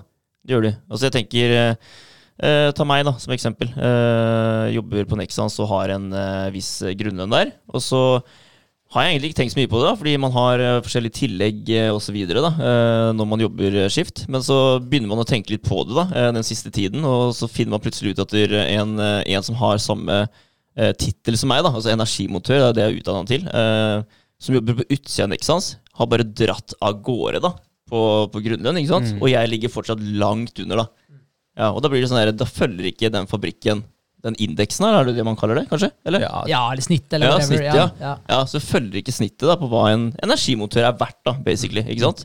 Og da blir jeg sånn her, ok, det her stemmer jo ikke. Det her må man si ifra om, da, ikke sant? Så jeg blir litt, kall det smågrinete. Ja. ja. men det er jo, hvis du ikke snakker om det, så mister du også kontroll over hvor man ligger. Mm. Det gjør man jo. Så det er veldig viktig å faktisk snakke om det, og se hva andre tjener. For kan du følge det, du òg. Ja. Ja, misfornøyde ansatte gjør jo ikke en like god jobb som fornøyde ansatte. Og så kanskje du ser etter en ny jobb hvor lønna er uh, fortjent, at jeg på å si. At du, du får en rettferdig lønn. Mm. Så det er viktig å følge med der, både arbeidsgiver og arbeidstaker. Mm. Det er veldig sant. Definitivt. Men eh, noen eh, tips da, bare akkurat inn på den fronten der, hvis man faktisk eh, sitter i en eh, situasjon hvor man er misfornøyd med lønna på jobb. For det første, gjør man en god jobb? Mm. Altså, er, altså er, det liksom, er det et tap for bedriften hvis du mister deg? Det er jo første spørsmål man må Ja, stille seg. Hvor mye, hvor, mye, ja, hvor mye er det jeg faktisk eh, bidrar med her? Og så er det bare å sørge for at eh, du gjør deg sjøl så verdifull som overhodet mulig. At du virkelig bretter opp armene og gjør jobben din. Og så burde man da gå til eh, eh, og holdt jeg på å si, fikse CV-en sin, eh, alle de referansene man har osv. Lage en jobbsøknad, søke på jobb andre steder, legge ut søknaden sin der. Få napp noen steder, dra på jobbintervju på de andre stedene. Det betyr ikke at du har lyst på stillinga, men få et tilbud. Mm. Få et, jobb, eh, få et tilbud, og et tilbud på lønn. Mm. Så går du til sjefen din, og så sier du at du, har gjort ditten datten, bla, bla, bla. Eh, jeg føler at jeg fortjener så her mye lønn. Og, og da, men da må du også være klar for, hvis de setter seg på bakbena Ok, men da går det an å si at du har fått det tilbudet eh, fra det andre stedet, og at de tilbyr deg så mye. Da må du også være klar for at de kan fortsatt si nei, og at du faktisk da må pakke sammen sakene dine basically og gå. Ja, ja. Men er du klar for å gjøre de tinga der, så er det ingenting som stopper deg fra å få i lønn. Nei, Det er, det er kun deg sjøl. Ja. Men det krever litt. Det gjør det. Men men- eh, ja. Man, man starter jo en reise ved å først eh, uttrykke følelsene sine. Definitivt. Det gjør man. definitivt. Så, men, ja, men, det, men det krever ganske mye. Men greia er at det, det er bedre det enn å sitte i tre år og fortsatt være misfornøyd. Være bitter. Ja, Ja. bitter. Så, for det er mange som handler i den settinga. Men jeg er helt enig med deg, Vega, hvis du ser noen som gjør akkurat samme jobben som deg, og så tjener de mer enn deg. Mm. Så, men da går det an å ta den samtalen først med sjefen også, og så Ja. bare legge fram fakta på bordet. Vet du, her er faktaen, liksom. Her er ansienniteten. Her er hva jeg tjener. Det er hva de tjener. Syns du det er rettferdig? Mm. Mm. Syns du det er rettferdig? Åpenbart så er det jo ikke rettferdig, så det kan Absolutt du si noe på. Og da er det sånn, ok, men hva, hva har du tenkt å gjøre med det? Mm. Det Ja, går faktisk an å si den også, hvis man har baller nok til det. Og, og da kan man jo, hvis, man, hvis det ikke kommer noe godt ut av den, Mm. ok, søk noen andre steder. da. Ta en ny samtale når du har fått de andre jobbtilbudene, og så sier du nå har du valget, liksom. Mm. Jeg gjør en utrolig bra jobb her, jeg har lyst til å fortsette her, men hvis ikke jeg går opp i lønn nå, så kommer jeg til å pakke sammen sakene mine, og så tar jeg det tilbudet fra dem. Mm. Som faktisk verdsetter meg mer. Mm.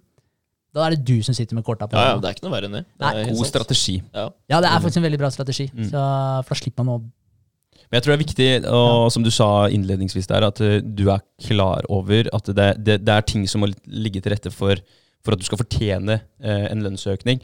At det, og vi, vi kan jo ta den derre at eh, Hvis du spør deg sjøl, da. Ville jeg gitt meg sjøl den lønna? Ville jeg eh, gitt meg sjøl den jobben? Eller ville jeg eh, ansatt meg sjøl i den stillingen for den lønna?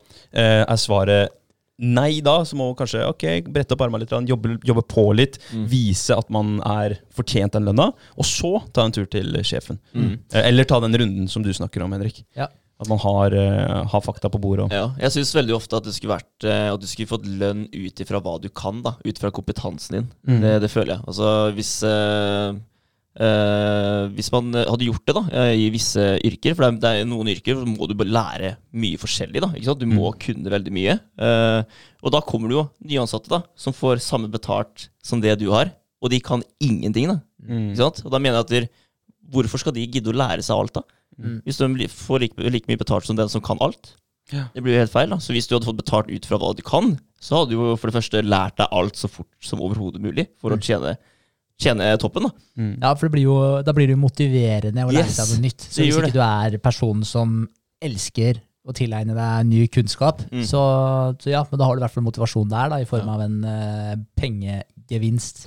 Men jeg tror at man må ha Altså du må ha uh, en lønn som uh, representerer din faglige dyktighet og faglig kompetanse, men man må ikke glemme at noe går på deg som person også. For du kan ikke ha supermye faglig kunnskap, eh, få lønn deretter, og så være en idiot eller et rasshøl. Mm. Eh, jeg som arbeidsgiver da, ville, hvis jeg hadde vært en arbeidsgiver, ville jo ikke betalt for å ha en idiot i staben min. Det er i hvert fall ikke, hvert fall ikke lurt. Nei, nei, Absolutt ikke. Mm. Det, det, det smitter jo på alle andre. Mm. Det er jo, ja. Ja.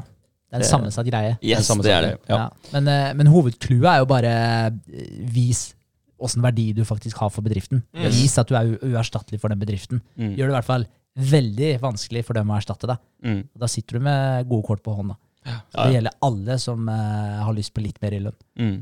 Uh, men uh, over det jeg tenkte på i forhold til det der med at penger er ondskap. Jeg har et eksempel her også, bare i forhold til hvor mange arbeidsplasser, bare for å knuse den helt. Mm. Ja, du kan gjøre mye faenskap med penger, men du kan også gjøre like mye godt med penger. Så det spørs jo selvfølgelig hvem som sitter med pengene.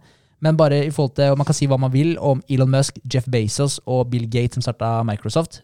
Men per i dag, antall arbeidsplasser som de har skapt Elon Musk har skapt over 110 000 arbeidsplasser. Jeff Bezos har skapt over en million arbeidsplasser. Jævlig. Og jeg vet at det er veldig mange som, er, eh, som ikke er fan av måten Jeff Bezos driver eh, holdt jeg å si, de fabrikkene sine på. Og fair enough, men det er ikke poenget. Han er faktisk med og brødfør over en million familier potensielt. Det er sikkert noen som er sammen, som jobber i samme selskap osv., men Mm. Poenget står. Men hva er det folk ikke liker med måten han uh... Nei, altså Han driver litt råd, rovdrift på ansatte. Da. Det er folk, fordi du får, ja, Der er du litt tilbake på den her uh, få penger for hva du gjør. Ja. Uh, og, og de får jo penger i forhold til hvor mange pakker de pakker og sånn. ikke sant? mm. Så, de, så der er det sånn der Det er så høyt konkurransenivå og så videre, så de pisser jo på flasker og sånn. Det gjør det, Ja, ja, For Ah, å utnytte tida best mulig. Ah, ja, de har nesten, nesten ikke pauser. Og, så, så det er litt sånn der på kanten. Og med en gang noen prøver å fagorganisere seg i en av de eh, bedriftene, eller en av de selskapene, så legger han ned hele selskapet, og så starter han opp et annet sted. Han gjør det, Ja, ja, Så Fy han er beinhard på de greiene der. ja. Så jeg vet at det er mange som ikke er fan av det, og fair enough, men poenget er at han lønner over en million mennesker Mm. i forhold til den businessen som han har skapt. ja, ja. Mm. En fjerdedel av Norge, typ, eh, Ja. lønner han. Det er helt sykt. Ja, det er sykt. Og Microsoft også, de har over 181 000 arbeidsplasser. Mm. Så det er jo helt sinnssykt. Der snakker du tre mennesker da, som har vært med på å skapt eh, de firmaene som ligger innunder Mm. de her. Og, og, eh, og de eh, ja, står jo for typ halvannen million arbeidsplasser. Og så Men, ja. kan du ta andre sida av knivegget over på type Saddam Hussein og Osama bin Laden. Der er det også mye penger, Mm. men akkurat som du sa i stad, Henrik, så det, pengene viser bare uh, mer av dem du er. Yes. Så det gjør jo dem kapable til å gjøre grusomme handlinger, fordi de har midlene til å lønne folk eller kjøpe våpen eller hva det måtte være. Ja. Det, er, det er på en måte et middel for å uttrykke mer av den du er. Mm. Så, så ja. Eh, men den eh, boka her, da, den har forskjellige lekser, egentlig, som den eh, lærer deg. Og det er litt eh, kult. Den består av 20, 20 kapitler. Jeg har ikke tatt med alle sammen. Jeg har egentlig bare tatt ut et utdrag fra fire av de. Eh, så tenkte jeg at de som er interessert, de kan heller lese boka sjøl. Veldig lettlest bok. Den er eh, korte kapitler, så den er på en måte veldig grei å komme seg gjennom. Mm. Eh, men den har mye kult å komme med. Eh, den første leksa det er at der, eh, den handler om, egentlig om erfaringa di kontra hvordan faktisk virkeligheten er. Mm. Og det også er interessant, fordi hvis du tenker at det er din personlige erfaring, at den står for sånn 0,00001% av det som faktisk har skjedd. Da. Mens eh, 80 eh, av hvordan du tror verden fungerer, er basert på den 0,0001% av erfaringa di. Så, så du har veldig, veldig liten personlig erfaring med hvordan ting fungerer, men du baserer på en måte 80% av hvordan du tror verden fungerer, basert på den lille erfaringa du har. ja, men det er jo sånn det er, da. Ja, Ja. det er det. Det er det. Så det er, eh, og det er verdt å, verdt å tenke litt på, eh, fordi det betyr jo at man har ekstremt mange ja, hva skal jeg si, fordommer mot ting, at man har veldig mange sånne eh, forutinntatte meninger da, mm. om hvordan ting fungerer. Og det er ikke sikkert at det har rot i virkeligheten i det hele tatt, når du tenker på hvor ekstremt lite erfaring og historikk du faktisk har med. da. Mm.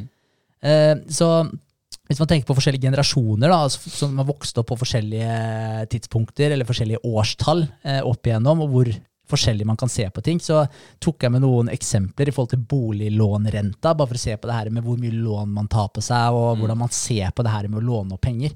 Eh, så hvis du var født i 1987, så hadde du boliglånrente på 16,17 Mm. Det er helt sykt. Det er. Det er sykt. Ja. Så det betyr da at hvis du tok et lån på 3 millioner kroner, og du hadde 25 års nedbetaling, så hadde du avdrag på 41 239 kroner per måned. og det, er sånn, og det, det var i 1987. Eh, I 2021 så lå den på 1,78% så det betyr at på det samme lånet, 3 millioner med 25 års nedbetaling, så hadde du avdrag på 12 426 kroner. Mm.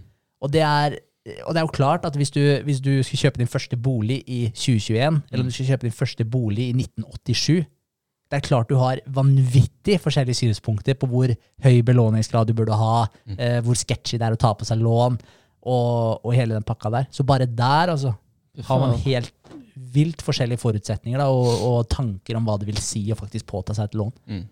Ja, det er sjukt, og renta er på vei opp igjen. Den er det. Så vi Ja. får se hvor det stagnerer, da. Den er det. Ja. Jeg, jeg tok med litt om det òg, altså Norges Bank de har jo en, eh, de har noe som de kalles en rentebane. Så Mm. de spår jo hvordan renta kommer til å utvikle seg i, i åra som kommer. Eh, og de har spådd at der, i oktober 2023, altså neste år, eh, så kommer renta til å være på 4,6 Mm. Boliglånrenta, ikke styrerenta. Boliglånrenta. Eh, jeg tok med eh, avdraga da også, men da tok jeg med på 4,07 altså det er litt i nedkant. Eh, men da vil du ha avdrag på 16 000 kroner i måneden Mm. på det samme lånet, da, 3 mil, Ja. 25 års nedbetaling. Så det betyr jo at med 4,6% så kan vi se for oss at hvis du har det lånet på 3 mil, eh, 25 års nedbetalingstid, så kan du ende opp på kanskje 17 000 i måneden. Kontra de 12 400 som du ville hatt da i fjor. Ja. Så det er jo eh, en stor forskjell. Mm. Eh, men det de også Veldig stor forskjell. Ja, ja, ja. Men det de også så på den der rentebanen Men som sagt, det her er en spådom. da, Det er hvordan de tror det her kommer til å utvikle seg. Men det er Norges Bank som kommer med den spådommen, så det er på en måte fra kilden sjøl. Mm. Eh, men det var, det, der var spådommen at det skulle toppe seg altså på eh, 4,6 Og Ok. så skulle ja, De er toppen. Ja, så skal Ja. vi gå nedover. Så vi får se om det Sitter her og får litt sånn uh, mareritt uh, her nå, altså. Ja, Ja, men jeg, jeg, jeg bare tenker sånn følgeskader da, ved at eh, renta øker så mye. Og jeg skjønner jo at uh, måten for å bekjempe inflasjon er å øke renta for bankene, liksom. Det er jo det det er. Men følgeskader for oss mennesker, da. Si du har tatt på deg ganske stort lån, da. ikke sant? Du er ung, du har kanskje kjøpt eller bygd deg et nytt hus, ikke sant. Og du har dratt på deg noen millioner, da. Fordi det kan man, ikke sant. Eh, men så stiger renta til eh, 4 da, og du ender med ja, fort 20 000 da, i måneden som du må betale i lån. Mm. Det er jo helt sinnssykt, ikke sant? Som igjen gjør at du ikke klarer å betale for deg, da, kanskje. Ja. Ja.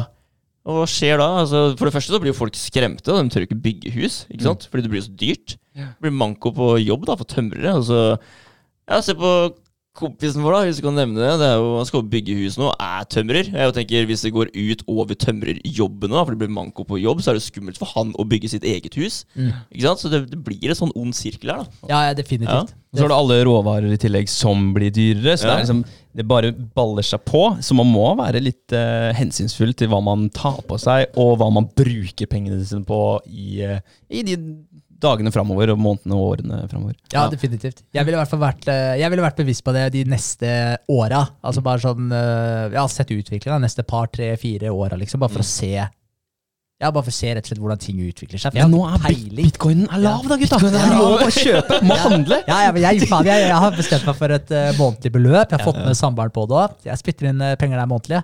Tenker jeg at det er helt gull. Men nå har jeg kjøpt en uh, hardware wallet òg, faktisk. Ja, nå skal jeg faen meg ha de safe. Men. For jeg ser jo at et par av de her eh, megler... eh, hva er det man kaller det for noe? Det er jo, det er jo en megler. Ja, altså, ikke det? eh, ba en bank, liksom? En ja, typ. de som er på nettet, der hvor du faktisk kan eh, handle Binance, krypto. Coinbase, Firi og alle Ja, disse her. det er jo Ja. meglere. Meglere. Ja, det er Ja. det. Eh, men nå har jeg sett at eh, det er et par av dem som har slitt med likviditeten da, fordi kryptoen har stupt så jævlig. Så Oh, de har stengt alt av transaksjoner, inntak, uttak, alt mulig. Som fryser rett og slett assetsa dine inne på plattformen deres. Oi. Så Ja, er det ikke sant? Ja, ja, sånn er det bare å hente ut de pengene på en uh, hardware wallet og legge det i safen din, og så, Mm. sånn at du har dem trygt. Ja, men, men gjelds det så, altså, sånn som jeg gjør det? da Jeg kjøper på si Coinbase, Ja. og med en gang jeg har kjøpt, så, så overfører jeg til en Trust Wallet. da Som Ja. jeg har Men det er vel Kan den fryses?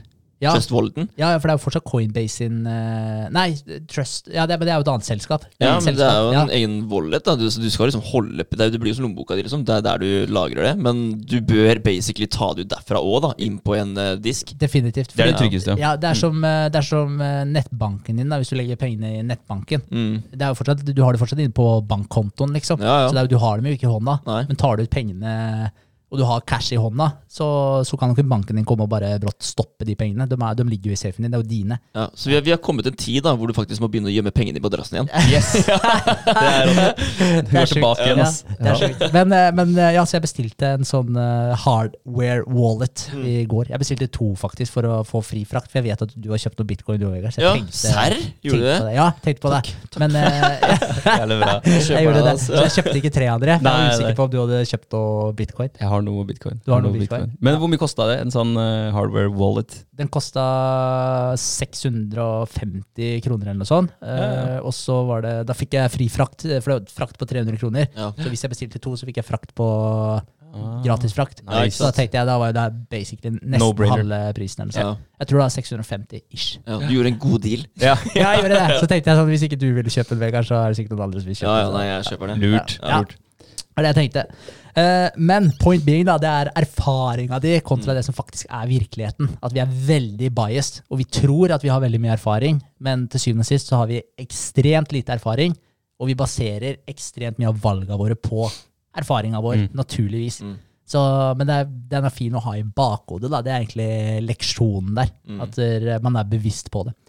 Og hva vi har tru på, da. Altså, det er veldig viktig. Hva vi faktisk tror går bra, og hva vi tror går dårlig. da. Så som akkurat nå så har vi tro på bitcoin. i at Mm. Nå har vi sett så mange opp- og nedganger der, og tenker at eh, sånn historisk sett så kommer det her til å gå opp igjen. ikke sant? Så da har vi trua på det, og da legger vi penger i det. Mm. Så det blir jo ja, litt erfaring, men også hva man faktisk har trua på. da. Ja. Mm. Ja. Og så tenker jeg sånn eh, Vi har lite Mange da har lite innsikt i hva som har skjedd opp igjennom eh, fra langt tilbake, og hvordan ting har utvikla seg. Du, du lever jo på en måte nå og har ikke kapasitet til å ta hensyn til alt som har skjedd for lenge, lenge siden.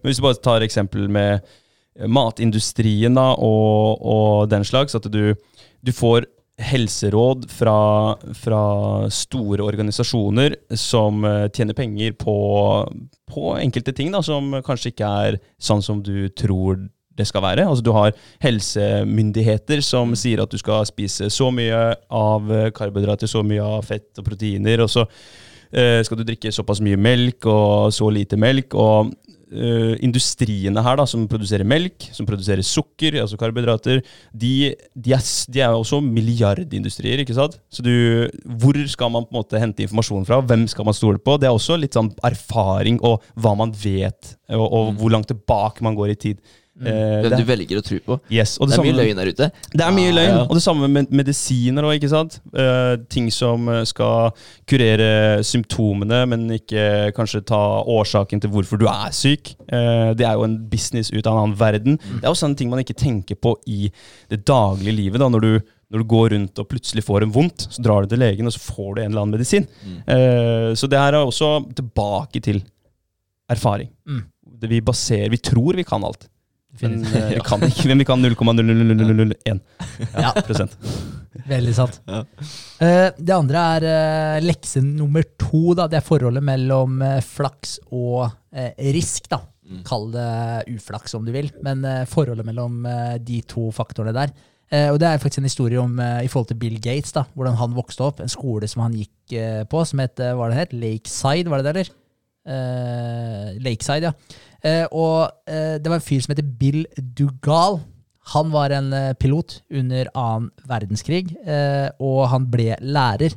Og han kjempa for å få en, en datamaskin som het Teletype Model 30 Computer, inn i eh, ungdomsskolen, som det var da, Lakeside ungdomsskole, i 1968.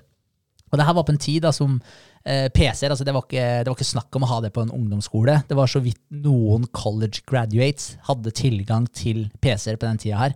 Så det var eh, ekstremt liten sannsynlighet for at den PC-en skulle havne der. Og da var det vel ikke PC heller, det var ikke personal computer, Nei, det var det var bare en, en computer. felles computer, Det var liksom. bare en C. En C. Ja. Veldig godt poeng. Ja. Uh, men, uh, og på den skolen her, på, på Lakeside, så gikk eh, Bill Gates og han eh, Paul Allen, de som founda Microsoft sammen. Mm. Eh, og de fikk jo da tilgang til den datamaskinen da de var 13 år gamle. Oddsa, da, sjansen for at de skulle få tilgang til den, det var 1 til 1 million. Oh, shit. Det var, det var Ja, sjansen det er for at de faktisk skulle få tilgangen til uh, den datamaskinen der. Uh, og en quote fra uh, Bill Gates senere var If there had been no Lakeside, there would have been no Microsoft. Shit, ja. Ja. Tenkte det. Fy faen, de revolusjonerte jo verden liksom ved å gjøre det her, da. Ja. Så hvis han hadde gått på en annen skole og ikke hatt han eh, gamle veteranen som lærer, da, så hadde det sikkert aldri skjedd. Mest sannsynlig. Ja. All honnør til Dugale, da. Ja, Mm. Veldig kult. Så, men der ser man da hvor eh, tilfeldighetene også som er inne i bildet. Men så er det også veldig Jeg vet ikke om kult er det riktige ordet, men det var en annen fyr da, som het Kent Evans, som også gikk på Lakeside, klassekamerat med Bill Gates. Han var like skarp og like ivrig på datamaskiner som det Bill Gates var. Han eh, likte å klatre, og var på en klatretur før eh, graduation, og falt ned og døde. Mm. Sjansen for å dø i en klatreulykke i eh, Statene på den tida der, da, det var én til én million, det også. Oi. Så var like stor sjanse, da, for å, eller like liten sjanse for å gå bort i en klatreulykke som det var for å havne på den skolen med den datamaskinen. Mhm. Og han døde, da, så han graduata aldri. Og han og Bill Gates hadde planer om å founde noe sammen. Shit. Ok. Så han kunne ha blitt da founderen i Microsoft sammen, eller co-founderen i Microsoft. Fy faen. Ja. Men det, det, er jo, ja, det er jo da. Det er jo det er ganske sjukt når man ser på det på den måten. Men eh, jeg tenker at det, uansett hva man gjør, da, så må du bare følge, følge veien din. Altså. Mm. Liksom bare, du kan ikke gå og se etter for mange muligheter, liksom. Da går det bare surr for deg. Du må liksom bare følge den flowen du er i, og så ja, ender det der det ender, da. Mm. Og bare satse på at det ender godt. Ja, ja, fordi Du kan jo dø når som helst. Det er noe med det. Så du ser jo det nå. Altså, han kunne valgt å drite i en klatretur, men han ville klatre, og så døde han. Ja. Ja, Det er så, så fort gjort, da. Ja, det, det er jo triste nyheter, men han, eh, flaks for han Allen at han eh, fyren eh, klatra og døde. da. Ja, kanskje. Ikke- Det kan hende at de hadde vært alle tre. Det vet jeg ikke. Ja, Men, ja, kanskje. men ja, ble med på han. Jeg ble med på han. Større bit av kaka. Men, eh, men ja, men det er, jo, det er jo mye å ta med seg fra det her òg, og det viser jo at liksom, ok, men det er flaks og uflaks inn i bildet òg. Selvfølgelig er det det. Men det er jo ikke til å slå under stol. Altså, hvis, ikke, eh, hvis ikke det hadde vært for Bill Gates og det harde arbeidet hans, så hadde jo aldri Microsoft vært i utgangspunktet. Så det er jo ikke sånn at alt bare er eh, som vi var inne på i stad, og da rikdom er flaks. Nei. Nei, det er ikke bare det, men det er, det er ting man ikke kan kontrollere her også.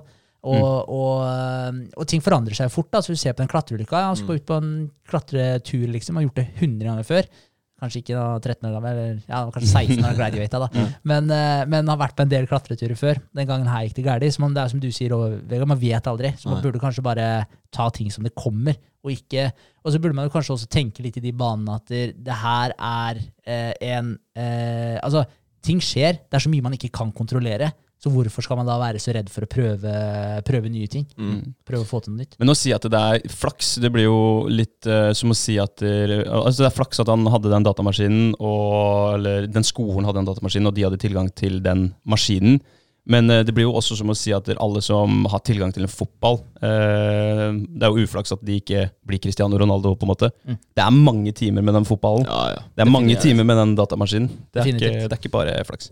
Nei, absolutt ikke. Mm. Det, er en av, det er mange leksjoner egentlig inni den der eh, ene leksa her i forhold til det med forhold mellom flaks og risiko. Men en annen ting som man også kan tenke litt på, da, det er jo faktisk i forhold til det med å, hvordan man ser på andre folk. Folk som har fått til ting, folk som ikke har fått til ting. Og at man kanskje hvem man ser opp til, hvordan man dømmer folk. eh, og, for det kan faktisk være mange utrolig flinke, dyktige folk som kanskje ikke har havna i de situasjonene hvor de har hatt muligheten til å blomstre, Mm. og vice versa.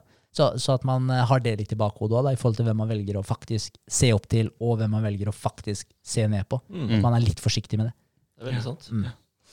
Eh, da var det nummer tre, og det Oi. handler om å aldri få nok. Ja. Og det har vi snakka litt om tidligere også. Ja. Det med aldri få nok. Altså, hvor, hvor går grensa, liksom? da? Fordi hele tiden når man kommer til neste målet, så ja, ok, men da er det, da er det neste målet som gjelder igjen. Og hvor man faktisk eh, setter den grensa der.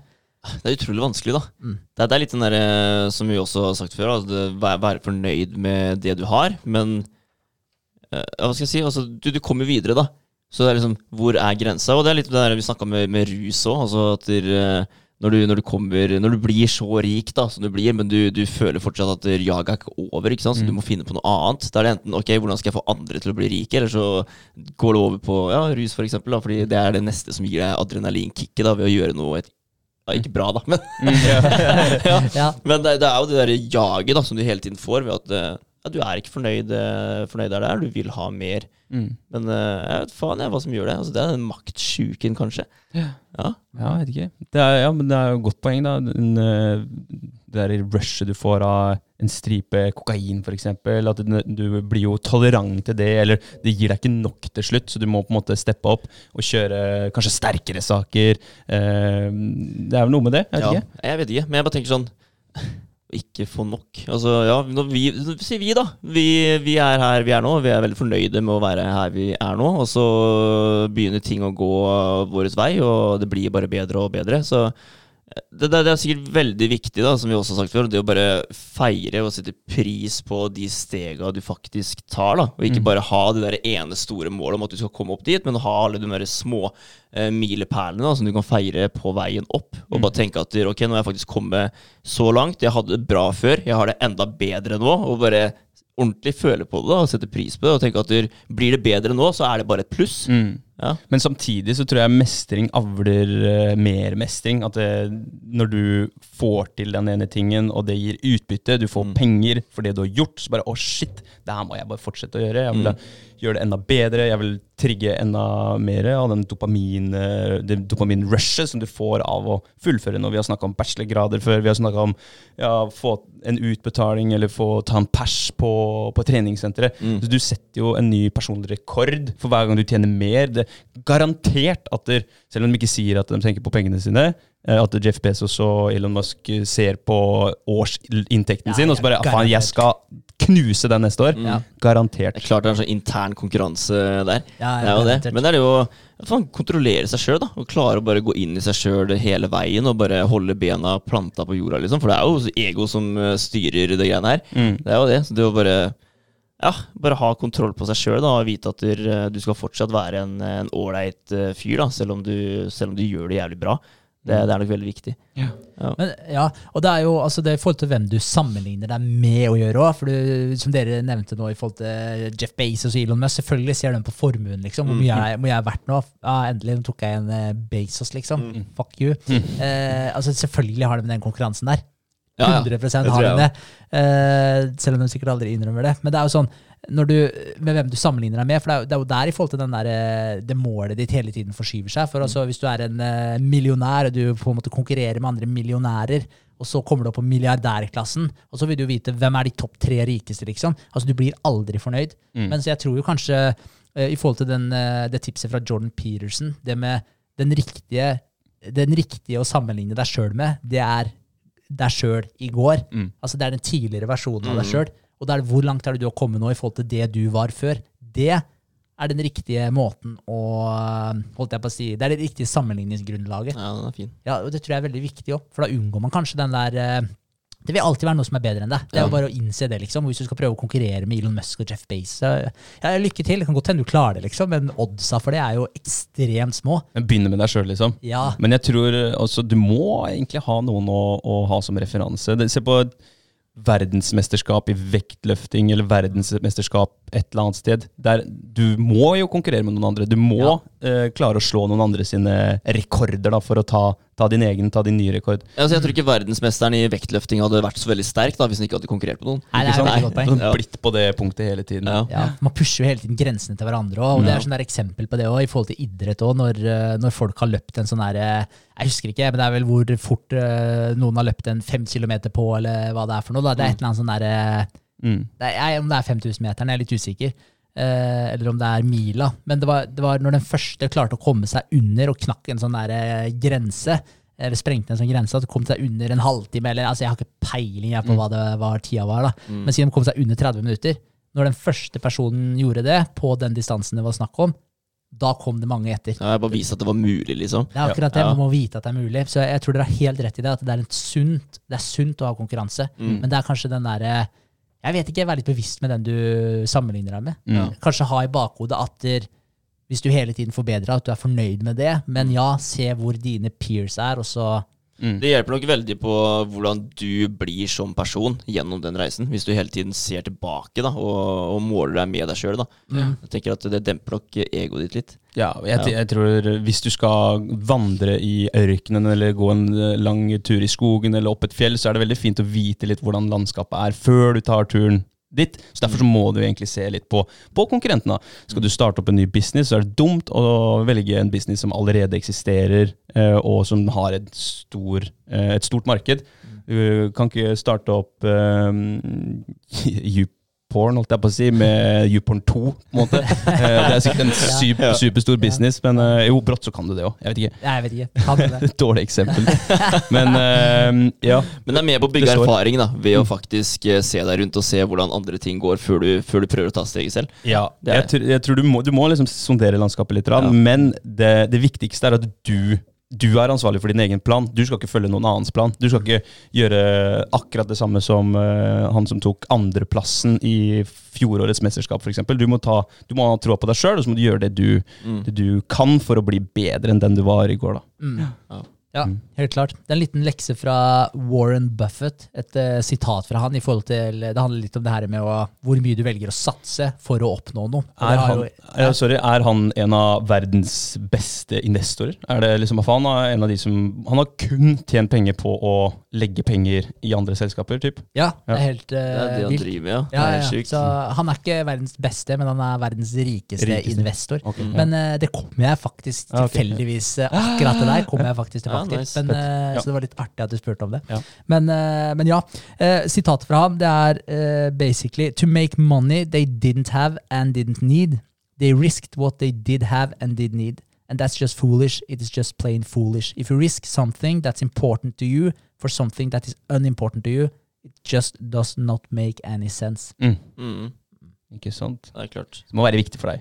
Det er akkurat det. Ja. Og så ikke, risikere. Altså, se, se, se på bitcoin, da. Ja. Altså, jeg dytter jo ikke penger inn der som ikke vi har muligheten til å tape hvis Nei. ting skulle virkelig gå vest. Ja, for det er en risiko der. ikke sant? Det kan gå galt, og da er du nødt til å bruke penger som du har råd til å tape. da. Ja. Mm. Ja. Så, ja, og sånn er det med alt, alt av investeringer sånn er jo risikofylte. Så, sånn er det jo bare. Og, Men det er risiko å ha pengene i banken, det er risiko å ikke gjøre noen ting òg. Har du pengene i banken, så mister du verdi på dem hvert eneste år. Ja. Inflasjon spiser opp, og i hvert fall i de tidene her. Og tida som kommer òg. Så det er kanskje et av de verste stedene å ha pengene dine per nå. Eh, Så, så det er risiko med alt du gjør, og sånn er det jo bare. Men igjen, da. Altså, ikke dytte alt inn, oi, inn i noe som er høyrisiko. Fordi det kan eh, selvfølgelig drite seg. Mm. Og da å bette noe som du er helt avhengig av, på noe som du kanskje ikke trengte, en, eh, en verdiøkning som du kanskje ikke hadde behov for, Mm. idiotisk. Ja. Det makes sense. Ja, ja. Jeg, jeg så faktisk en eh, kommentar på, på kryptovaluta-Facebook-gruppen. ikke sant? Eh, Her om, eh, var det i går, eller? Da var det en jente da, som skrev det at der, hun Ja. skulle ta opp et lån på 1,2 millioner. Og investere i bitcoin, Ethereum og litt sånn forskjellig. da, Og lurte liksom på hva, hva andre tenkte om det. da, For hun var overbevist om at det her kommer til å gå bra, og derfor ville hun valgte å ta et stort lån da, for å få en høy gevinst. ikke sant? Mm. Ja, Og da kom det veldig mange forskjellige kommentarer. da. Ja, ikke sant? Det gjorde det. Men det er litt den der, hvis du har trua, da Ja. altså, jeg, skjønner det litt. Det er sånn, Skal du dytte inn uh, 10 000 i måneden, liksom, eller skal du ta et stort lån som du fordeler litt rundt og litt etter litt månedvis? da er ikke sikkert det er så dumt hvis du har trua og du tar rett. da Så, så gjør du jo helt klart en god gevinst på det. Du gjør det. Men, men det momentet Jeg så én kommentar der, for jeg så samme, samme oppdatering. Ja. I det momentet du må spørre om det, Mm. eh, så tror jeg du vurderer litt feil. Da, ja, for, ja, for Ja. nå, nå spurte hun liksom hvor og skal jeg gjøre det, eller hvor, hvor skal jeg legge pengene. Ja, Ja. Da kanskje du har for lite kunnskap og informasjon om markedet til å faktisk legge 1,2 millioner, Ja. eller 3, var det vel? Ja. Det var, det var mye. Ja, det, det var mye, det var det. Ja. Det var liksom bare- Som du ikke har, da. Det er penger du ikke har. Ja. Er det en metode for å prøve å overbevise seg sjøl liksom, på at det er riktig måte å gjøre det på? da Ja, ikke sant? Så det er jo selvfølgelig skummelt, men, eh, og der, der, der gjør du akkurat det. da Du legger inn penger du ikke har, Ja. og egentlig ikke har råd til å tape. Da. Du kan godt hende hun klarer å sitte og betale ned det lånet i ettertid, liksom, men da sitter du i mange år og betaler ned 1,2 millioner, eller hva det var. Ja, Som du basically gambla med, da. Yes, Så det, det er skummelt. Ja, definitivt. Ja, Ja. det er det. Er et godt poeng. Sjukt. Ja, ja, men uh, ballsy move, Ja. Uh, Ja, skal helt jo klart. sies. Mm. Uh, gjenstår å se hvor lurt det, lurt det kanskje var. Ja. Uh, men ja, men hvis du er en person da, som ikke nødvendigvis vet hva nok er, så er det tre, tre takeaways. Uh, den ene er den vanskeligste finansielle egenskapen er å få målet til å slutte å flytte på seg. At du på et eller annet tidspunkt da tenker at der, nå er det på en måte nok, og alt over det her er bare win. Mm. At du ikke hele tiden føler at du henger etter. da. Mm. Ja, sånn, ja. Bare, ja, hva skal jeg si, jeg vet ikke. løpe på, på tomgang liksom, bare for å komme deg ett steg videre, når du Mm. egentlig kanskje ikke virkelig trenger det. da. Ja. Uh, den uh, nummer to, det er å sammenligne suksessen din med andre, er et spill som aldri tar slutt. Mm. Det er jo tilbake til den fra millionær til milliardær til topp 10 til topp 3 sant, til topp 2. Ja. Det er det. ja, for det tar aldri slutt. Nei, det gjør ikke det. er alltid noen som er bedre enn deg. Ferdig snakka. Mm. Sånn er det bare, Med mindre du er eh, Nei, altså, det er jo sikkert noen som er bedre enn eh, Elon Musk. Jeg vet ikke hvor han ligger på lista, jeg. Men eh, det er sikkert noen der ute som er Det er jo noen der ute som er rikere enn han. Noen prinser i Abu Dhabi som tjener bedre, sikkert. Garantert. Han Ja. sa jo at Vladimir Putin var rikere enn Ja, han. Det var han helt sikker på. Ja. Ja. Ja, stemmer det. Men ja, nei, det er sant, da. Det er Ikke henge seg for mye opp i hva andre klarer, men tenke litt mer på hva faktisk du klarer. da Ja. Jeg tror du mister fort oversikten da hvis du hele tiden ser til andre. Ja, Det er ja det tror jeg òg. følge din egen plan. Ja. Du kan sikkert fort bli veldig negativ av det, kanskje. Ja. Og litt sånn Ja, få sikkert litt sånn uh, En dårlig vibe, da. Mm. Få litt det lille jaget at du, du vil nå opp til de andre gutta hele tiden, da. Føler aldri at du er bra nok. Ja. Nei, for Hvis du, du har så mye Nå holder jeg handa opp mm, sånn type 20-30 cm opp fra, fra bordet, og så ser du på en person som har så mye. Da er jo fokuset ditt hele tiden på gapet. Så du fokuserer jo på alt du ikke har, egentlig. Så det blir en sånn negativ uh, vibe for deg sjøl, at du, du hele tiden ser på hvor mye bedre den personen er enn deg, da. Ja. Samtidig som det kan funke som en jævlig bra boost òg, da. Samtidig. At Ja. eh, du ser hva den personen har, og da gir det deg veldig lett tilgang til å klare å visualisere at du også har det, for å komme deg til den. da Men da er det greit, da, som du sier, å ta en som er litt over, og begynne der, liksom. Kommer du til han, og så kan du klatre på den måten. da bruker som en hare. Men da tror jeg det er viktig at man har Man er bevisst. At man Ja. har riktig mindset. At det ikke bare er den derre ah, det gapet her har ikke jeg, men det er å, det gapet her skal jeg fylle. Ja. Uh, tror jeg er viktig. Jeg tror det er viktig ikke bare tenke penger, men tenke reisen, liksom. At det er fett. Du har lyst til å gå ut på den reisen, og du har lyst til å klare ditten og datten, liksom. Ikke bare tenke at ja, jeg skal tjene så mye cash, liksom. For det tror jeg blir feil fokus. Ja. Ja. Enig i det. Altså, det er litt det der eh, For jeg prøver ofte å tenke liksom sånn Det med å være fornøyd, men Mm. ikke være tilfreds. For det er to helt forskjellige ting. Er du tilfreds, så har du ikke lyst på mer. Og, og da, da slutter man jo bare. Men du må jo ha et eller annet som driver deg, et eller annet som skaper mening hos deg, og det er jo på en måte å nå et steg videre. Mm. Altså Hvis du bare skal si «Nei, nå er jeg ferdig, Mm. hva faen skal du gjøre etter det? Ja? Du kan ikke ligge på stranda og sippe margaritas resten av livet, liksom. Det blir du drittlei. Mm. Det holder i to dager, det, så er du sliten og fyllesyk og har lyst til å gjøre noe annet. Ja. Jeg ser for meg, nå, nå fikk jeg et bilde på at dere, tilfreds det er det samme som stappmett, liksom. Ja, ikke vanlig mett. Ja, det er akkurat det jeg tenker på. Ja, også, ja. ja. Da, da, da har du ikke lyst til å gjøre en dritt etterpå. Du bare ligger på sofaen i et koma, på en måte. Men er du passe mett, da er du klar for mer. Yes. Så, jeg, så jeg tenker at det er viktig å skille på de to. Være fornøyd, men ikke være tilfreds. Nei. Prøve å oppnå mer, men være fornøyd med det du har oppnådd også. At, eh, men det er den balansegangen der. Mm. Den er ikke nødvendigvis enkel. Nei, for du må jo klare å kose deg òg. Det er jo noe med det. Du må klare å nyte den tiden du har. Altså Hvis du aldri er tilfreds, så klarer du ikke å nyte, nyte heller, vil jeg tro. Nei. Nei. Begrensa tid på, på jorda til å, å faktisk gjøre det som du sier der, Vegard. Så Ja. viktig. Viktig. Ja, men det er det. det er, eh, du, hvis du setter av tid, da, så vet du hva, jeg skal, ikke, jeg skal ikke nyte noe før jeg faktisk har kommet dit jeg vil komme, da.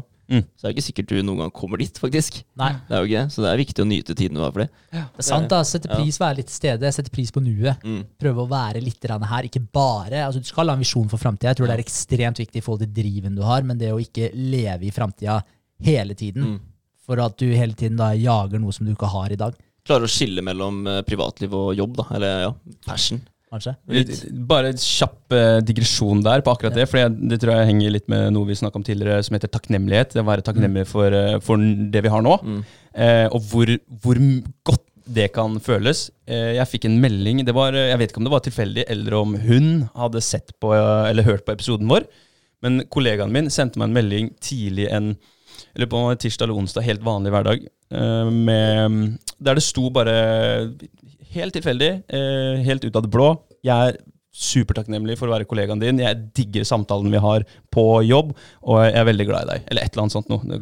Ikke helt ord, ordrett det jeg sa der, men det var i de baner. Og jeg kødder ikke. En helt vanlig hverdag ble til verdens beste dag. Mm. Jeg kan ikke huske sist jeg var eh, så glad på jobb. da. Og det var akkurat som om den dagen var en begivenhet. Så jeg, den, eh, den levde jeg på i mange dager etterpå. Ja, jeg. Jeg følte meg skikkelig bra. Og det er den takknemligheten som vi snakka om. Det er mye bedre enn all verdens SSRIs.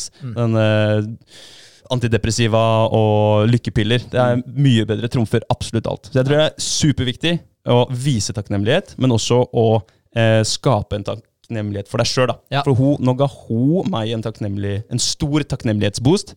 Og det er noe av det beste man kan få. Noen andre sin uh, takknemlighet. Dritkult. Der ser du også hvor lite som egentlig skal til Ja. for å faktisk gjøre dagen til noen andre. Og man tenker kanskje mange ganger de tingene her. Liksom. Fy faen, det her er en kul person, og jeg digger å jobbe med den personen her. Si det til dem, da. Ja.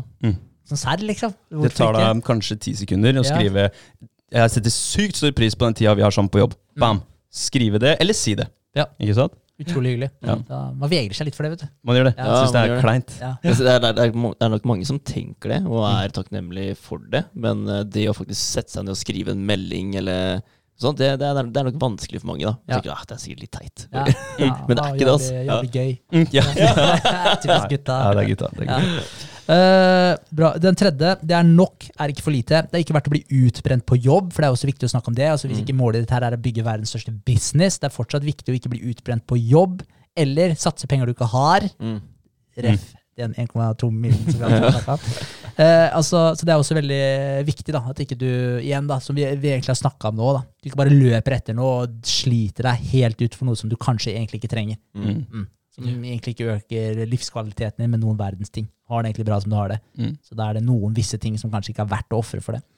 Og det er noen ting som ikke er verdt å risikere i det hele tatt, uansett hvor stor den potensielle oppsiden er. Det er tre ting som er skrevet ned. Det er ryktet ditt, Mm. det er friheten din, og så er det familien og vennene dine. Mm. De tre tinga der er ikke verdt å ofre for noen verdens ting. Ja. Mm. Med mindre selvfølgelig det er noen shitty folk som kanskje egentlig ikke er vennene dine, eller du har en familie som bare, bare ødelegger deg. Mm. Selvfølgelig. Det er ikke for alt det er verdt, liksom. Men, eh, men eh, sånn på generell basis, da, så er det de tre der. Det er, det er noen som har superskurker i familien sin, kanskje, eller eh, skikkelig sadister, eh, er oppvokst i et terrorhjem som kanskje må, må ofre det for å faktisk eh, komme seg videre i livet. Selvfølgelig. Men uh, det er vel noen unntak. Uh, ikke Ja, det, er jo, det er jo tips da fra veldig mange entreprenører. Eksempel, at skal du, skal du gjøre noe og få det til, så reis vekk fra familien. Er det mange som sier. Mm. Kom deg vekk og få, få litt mer frihet da, til å tenke klart og gjøre som du vil, så du slipper, slipper maset fra kantene. da. Mm. Men eh, det er jo basically bare å si det, da. Altså, folkens, nå, nå er jeg opptatt med det greiene her, liksom. Så jeg kommer ikke til å kunne hjelpe dere like mye som det jeg har gjort uh, før. Og heller bare ta den, da. Og så hver gang de prøver å ringe etterpå, så får vi bare minne på, minne på dem det. da. Mm. At jeg prøver faktisk å få til noe her, og jeg er nødt til å bruke tida mi på det. da. Jeg må Ja. prioritere. Så det går, det òg. Ja. Men uh, det er veldig mange som anbefaler det. Bare kom deg vekk, liksom. Og bruk tida di på deg og det du driver med. Og så er det en god, god måte å gjøre det på, da. Ja, og det er sikkert garantert. Jeg merka bare da jeg var i Skottland, liksom. Det var, jeg hadde fortsatt god kontakt med familien, og sånn, men, men da holdt jeg ikke på med alle de tinga som vi holder på med nå. Men du merker at du får jo en helt annen distanse, og du får jo tid til å drive med eh, ting på en helt annen måte. Men jeg føler jo kudos til familien min nå, for de, de forstår hva jeg holder på med nå. Og det setter jeg utrolig stor pris på. Så de gir meg space, og de spør meg ikke om jeg kan hjelpe til med ting med mindre de faktisk trenger hjelp til noe. Det er ikke bare sånn nice, det har vært hyggelig om Henrik bare har hjalp til med det. Det spør de faktisk ikke om lenger. Da er det sånn hvis de eh, Ja, nå var du bortreist, liksom. Lurte på om jeg kunne være snill og klippe plenen, liksom. Og det, og det fair enough, da. Stakk jeg på klippa plen, det var greit nok, det, liksom. Men da var det fordi de faktisk trengte hjelp til den tingen. Mm. Det er ikke sånn at der, eh, den ene skal stå og se på mens den andre klipper plen, om du skjønner hva jeg mener. Selvfølgelig hadde jeg ikke spurt om det, men, men, men du skjønner hva jeg mener. Ja. Så, så kudos til dem. Så, men jeg føler det har tatt litt tid, det òg, for man har en forventning osv. Så, videre, så det, det tar litt tid å faktisk eh, ja, Men det har noe med å vise at man er seriøs òg, tror jeg. Mm. Når du har holdt på med en ting så så lenge, at ikke det bare er en sånn fad som går over om tre måneder. Mm. Ja, nå brenner du for det her, men om tre måneder så driver du med noe helt annet. Mm. du faktisk viser at du er seriøs med det du driver med, så tror jeg også kanskje det kommer litt mer respekt på andre sida etter hvert også. Ja, Absolutt. det tror jeg Litt mer forståelse. Ja. Ja. tror jeg. Eh, Den siste leksa som jeg har tatt med, da, det er det her forvirrende renters, rentebegrepet. Mm.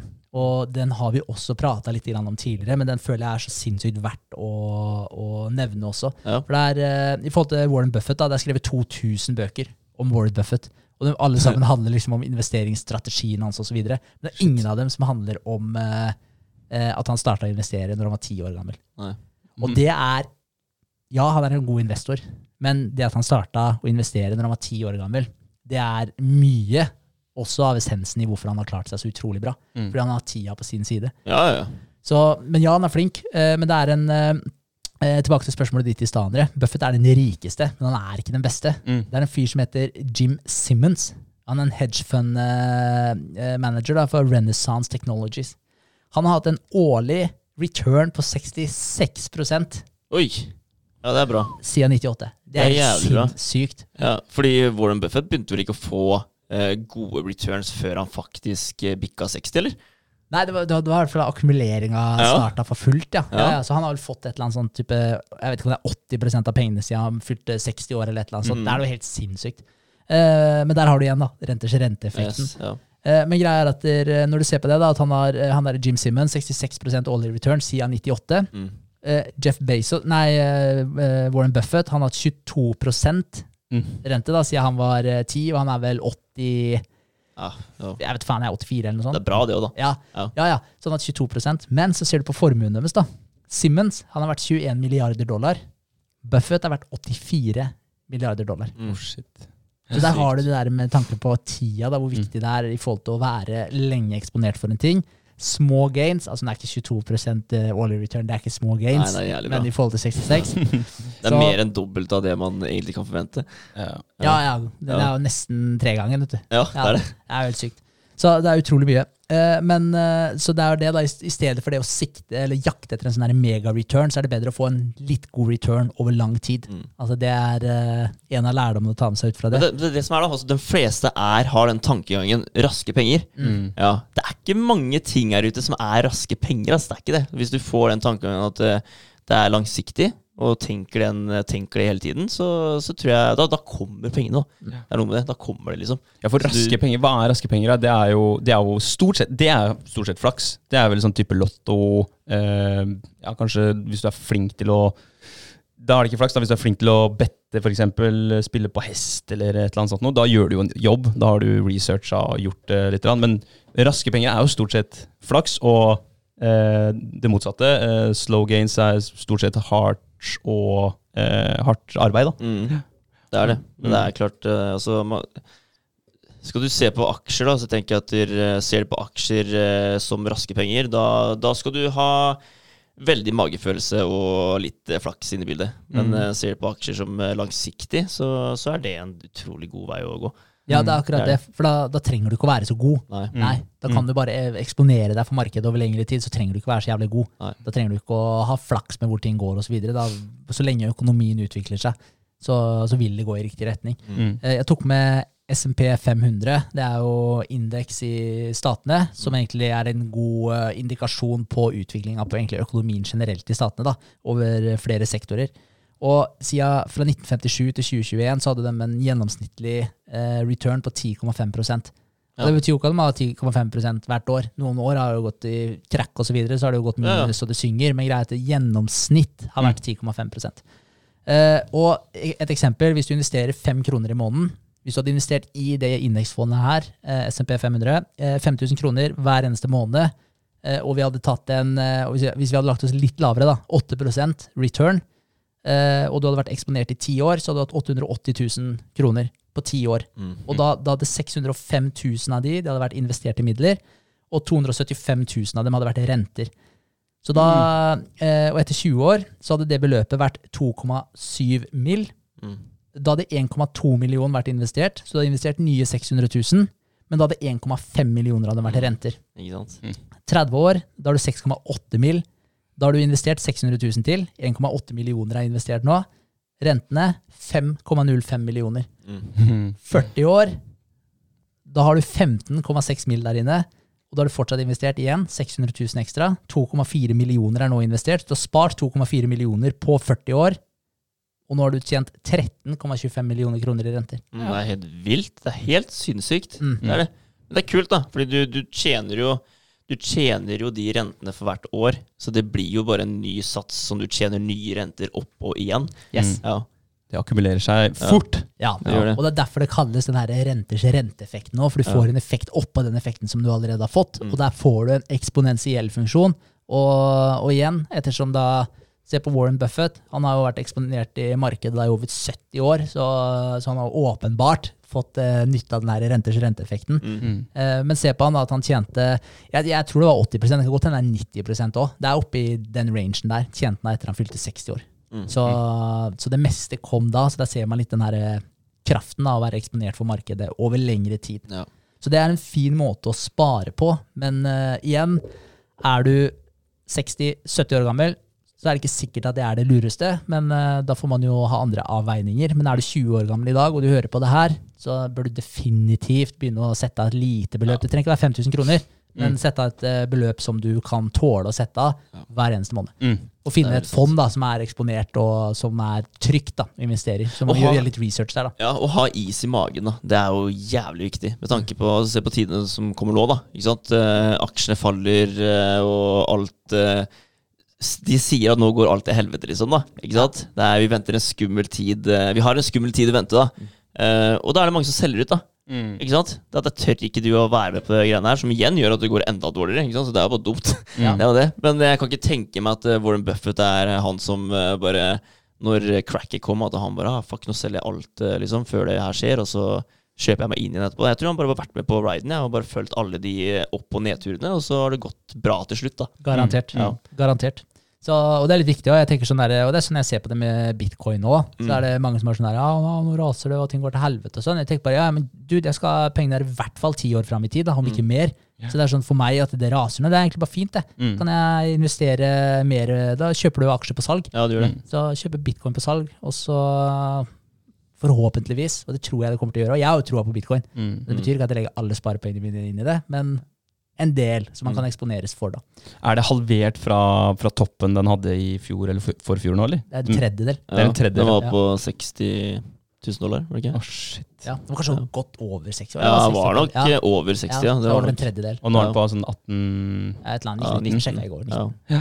Sjukt. Men det er litt digg òg, for altså, de fleste blir jo jævlig stressa når ting går ned. og sånn da. Men hvis du har en lang horisont på sparinga di, så spiller det ingen rolle hva som skjer nå. Hvis du bare har bestemt deg for å sette inn et uh, månedlig beløp, og du fortsatt selvfølgelig tror på valutaen, Mm. kryptovalutaen bitcoin, eller om du er eksponert for en eller annen indeks eller hva det måtte være, noen aksjer, Mm. at du fortsetter bare det løpet som du har satt deg. For det er jo det som krever balls, altså når markedet begynner å, det begynner å rakne, og folk blir urolige, og du leser mye negative nyheter om det. Mm. Eh, så begynner du kanskje å bli litt sånn eh, nervøs, og sånn, og så tenker du nei, fuck it, jeg selger det, liksom, jeg tør ikke mer. Men Mm. hvis du fortsetter å holde den strategien din, Mm. så alle tidligere bear-markeder, altså når eh, markedet har stupt og det har rakna, da, de har jo kommet seg igjen. Spørsmålet er bare hvor lang tid man er nede i den eh, dumpa der. Hva er det man regner? Er det ikke sånn 280 dager eh, en inflasjon pleier å være, sånn historisk sett? Ja, tror jeg. Ja, Ja. jeg tror det. Mm. Så begynner det å gå opp igjen. Men eh, Ja. det er jo også smart, da, altså hvis du klarer å treffe riktig. Altså som bitcoin, da, når du var oppe over 60 000 dollar, da, og du bare skjønner at det, ok, nå kommer det til å skje noe snart. liksom. Hvis du selger da, og Mm. da er du jo også med på at det kommer til å gå ned, da. Det er du jo. Men da har du muligheten til å bruke de pengene på å handle, eh, han i igjen, da, på salg. Ja. Og kan gjøre det enda større igjen når det vil vokse. Men da må du være litt synsk, må du ikke det? Jo, ja, du, eller- må, du, må, du må kjenne markedet, da. det er noe med det. Du må få erfaring fra tidligere hendelser da, og klare å ja, lese det litt, Ja. Mm. rett og slett. Men jeg, det, ja, hva skal jeg si? Ja? Altså sånn, Han snakker en del om det i boka, og det der med å time markedet og sånn. Så er det er, det er gambling. Mm. Time markedet. Du kan si hva du vil, da, men greia er at det er så mange nye hendelser. Mm. Altså, Hvem er det som kunne spådd eh, krigen i Ukraina? da? Hvem er det som kunne spådd covid, liksom? Mm. Altså, det er ingen som kunne spådd de tinga her, Ja, da, men, men nye ting skjer hele tiden. Og, Så det er veldig veldig vanskelig å Ja. spå markedet. Så Nei, jeg lureste skal ikke prøve det. Nei, det lureste det er å bare bestemme seg for eh, en strategi, Mm. og så holde den eh, long term. Det er det med lavest risiko. Slow gains over hele linja. Det er Ja. vel uh, tilbake til trening, det har vi snakka om før også. Yes. Det er, eh, anabole steroider. Det Mm. fungerer, det, men uh, er det optimalt? Ja. Ja. Nei, da. Uh, veldig godt poeng. Jeg vil bare gå inn på det her med Matthew Principle, Pareto-distribusjonen. eh, 80-20-regelen, som det heter òg, for den er linka til det her med renters renteeffekten. Og det er et utrolig stilig prinsipp. Altså, grunnen til at det kaltes Matthew Principle, da, det er jo faktisk det er et bibelsk prinsipp. Og det syns jeg også er jævlig kult, at det her faktisk sto i Bibelen. Eh, og eh, for å sitere det, eh, så er den lille frasen der, det er 'whoever has will be given more'. Altså 'whoever has will be given more, and they will have an abundance'. 'Whoever does not have, even what they have, will be taken from them'. Matthew 13,12. Mm. Så de som har mer, de vil få mer. De som har lite, de vil miste alt. Og det er egentlig en brutal uh, linje, men det er utrolig kult, fordi altså, det var en fyr som heter Eller det er et utrolig kult prinsipp, for det er uh, en fyr som heter Pareto, Wilfredo Pareto. Han satte faktisk tall på de greiene her i 1896. Så han fant en formel som faktisk beskrev akkurat det prinsippet her. For han begynte å legge merke til at eh, i, uh, i Italia der hvor han fyren her eh, vokste opp. Han begynte å legge merke til at eh, rikdommen hos folk, da, at 80% av rikdommen samla seg hos 20% av folket. Og så sånn også at innbyggertallene stemte overens med det her. Så 20% av de største byene hadde 80% av innbyggertallet og sånn. Så han klarte faktisk å komme fram til en formel som regna ut som Viste akkurat det prinsippet. Det er jævlig kult. Jeg har lest akkurat det der. Altså. Det er Ja, det? Ja, det. Ja. Det er fett. Og, eh, og det er litt kult, for da, det er eh, noen eksempler da, på den Pareto-distribusjonen. Altså, fordi de, de, gjelder så mye forskjellig. Så jeg tok med noen eksempler på, på hvor på en måte man finner igjen den Pareto-distribusjonen. Og det er at 20% av kriminelle begår 80% av forbrytelsene. Eh, 20% av sjåfører skaper 80% av ulykkene. Du bruker 20% av klærne dine 80% av tiden. Den kjenner jeg meg veldig igjen i. Mm. Altså, ja, 80% av forurensningene skapes av 20% av fabrikkene. Eh, 20% av selskapets artikler står for 80% av salget. 20% av selskapets ansatte står for 80% av arbeidet. Og det gjelder også ting som størrelse på byer, som jeg nevnte, massene til stjerner, høyde på trær osv. Så, videre. så den her går igjen så sinnssykt eh, mange steder. Så det man kan trekke ut av det her, grunnen til at jeg ville ta med den på slutten i forhold til det her med renters renteeffekten, det er at der, eh, 20% av innsatsen din kan faktisk stå for 80% av resultatet ditt, så fremst at du tar noen kloke valg. Så det betyr ikke at du nødvendigvis må jobbe ræva av deg, men at du får den der renters renteeffekten på valga du tar også. Så det betyr at de små forandringene som du gjør nå, forbedrer deg litt da, hele tiden. Prøve å tweake inn de dårlige vanene dine, prøve å gjøre ting hakket bedre enn du gjorde i går, bli litt mer effektiv, bli litt mer smartere osv. Du får en renters renteeffekt på den biten der òg. Og det kan gi en helt sinnssyk avkastning. Det er ikke sikkert du ser det om et år, men kanskje om ti år, da, så er du ikke til å kjenne igjen Mm. eh, lenger. Og Det det, ja, og det er veldig, en veldig sånn motiverende greie å ta med seg også fra de greiene her. Og det her er basically, det er jo nesten en naturlov. Mm. For det er så sykt mange steder man finner igjen eh, det her, da, i alt av kreative yrker også. Type eh, komponister og sånn, som har komponert stykker og sånn. Samme der òg. Eh, artister. Alle dem òg. Der er liksom sånn de, som sagt, de 20 beste prosentene de står for 80% av salget. Mm. Så det, er, det går igjen overalt. Så jeg tenkte den er også litt kul å ta med seg sånn helt på, helt på tampen. Mm. Mm. Ja, dritkult. Det er det. Ja. Helt klart noe å tenke på. Og til lytterne òg, da. Mm. Ta det med seg. ass. Prøv å lese litt om det, og ja, sjekk det ut. Ja, Mm. Ja, Det er bare positivt å begynne med det. definitivt. Det er det. Og hvis du ser for deg også liksom bare Hvis du ser for deg på barneskolen, da. Du spiller fotball, ikke sant. Se for deg at du er du får en god touch på ballen, sånn veldig til å begynne med. Du får en god touch på ballen, ah, Det ga deg litt selvtillitsboost, og sånn, ok, men da går du kanskje litt hardere inn i den neste duellen. Du får med deg ballen der òg. Okay, så begynner du kanskje å utmerke deg. Du får mer ballfølelse, du, får, du toucher ballen mer, du får mer selvtillit. Og det her ender med at de andre også barna ser at ok, men han er god, liksom, han kan vi spille mer ballen til når du er på lag med dem. Mm. Altså begynner akkumuleringa. Så du har en helt annen utviklingskurve enn eh, de andre kidsa. da. Mm. Så, nei, så den er verdt å, verdt å ta med seg.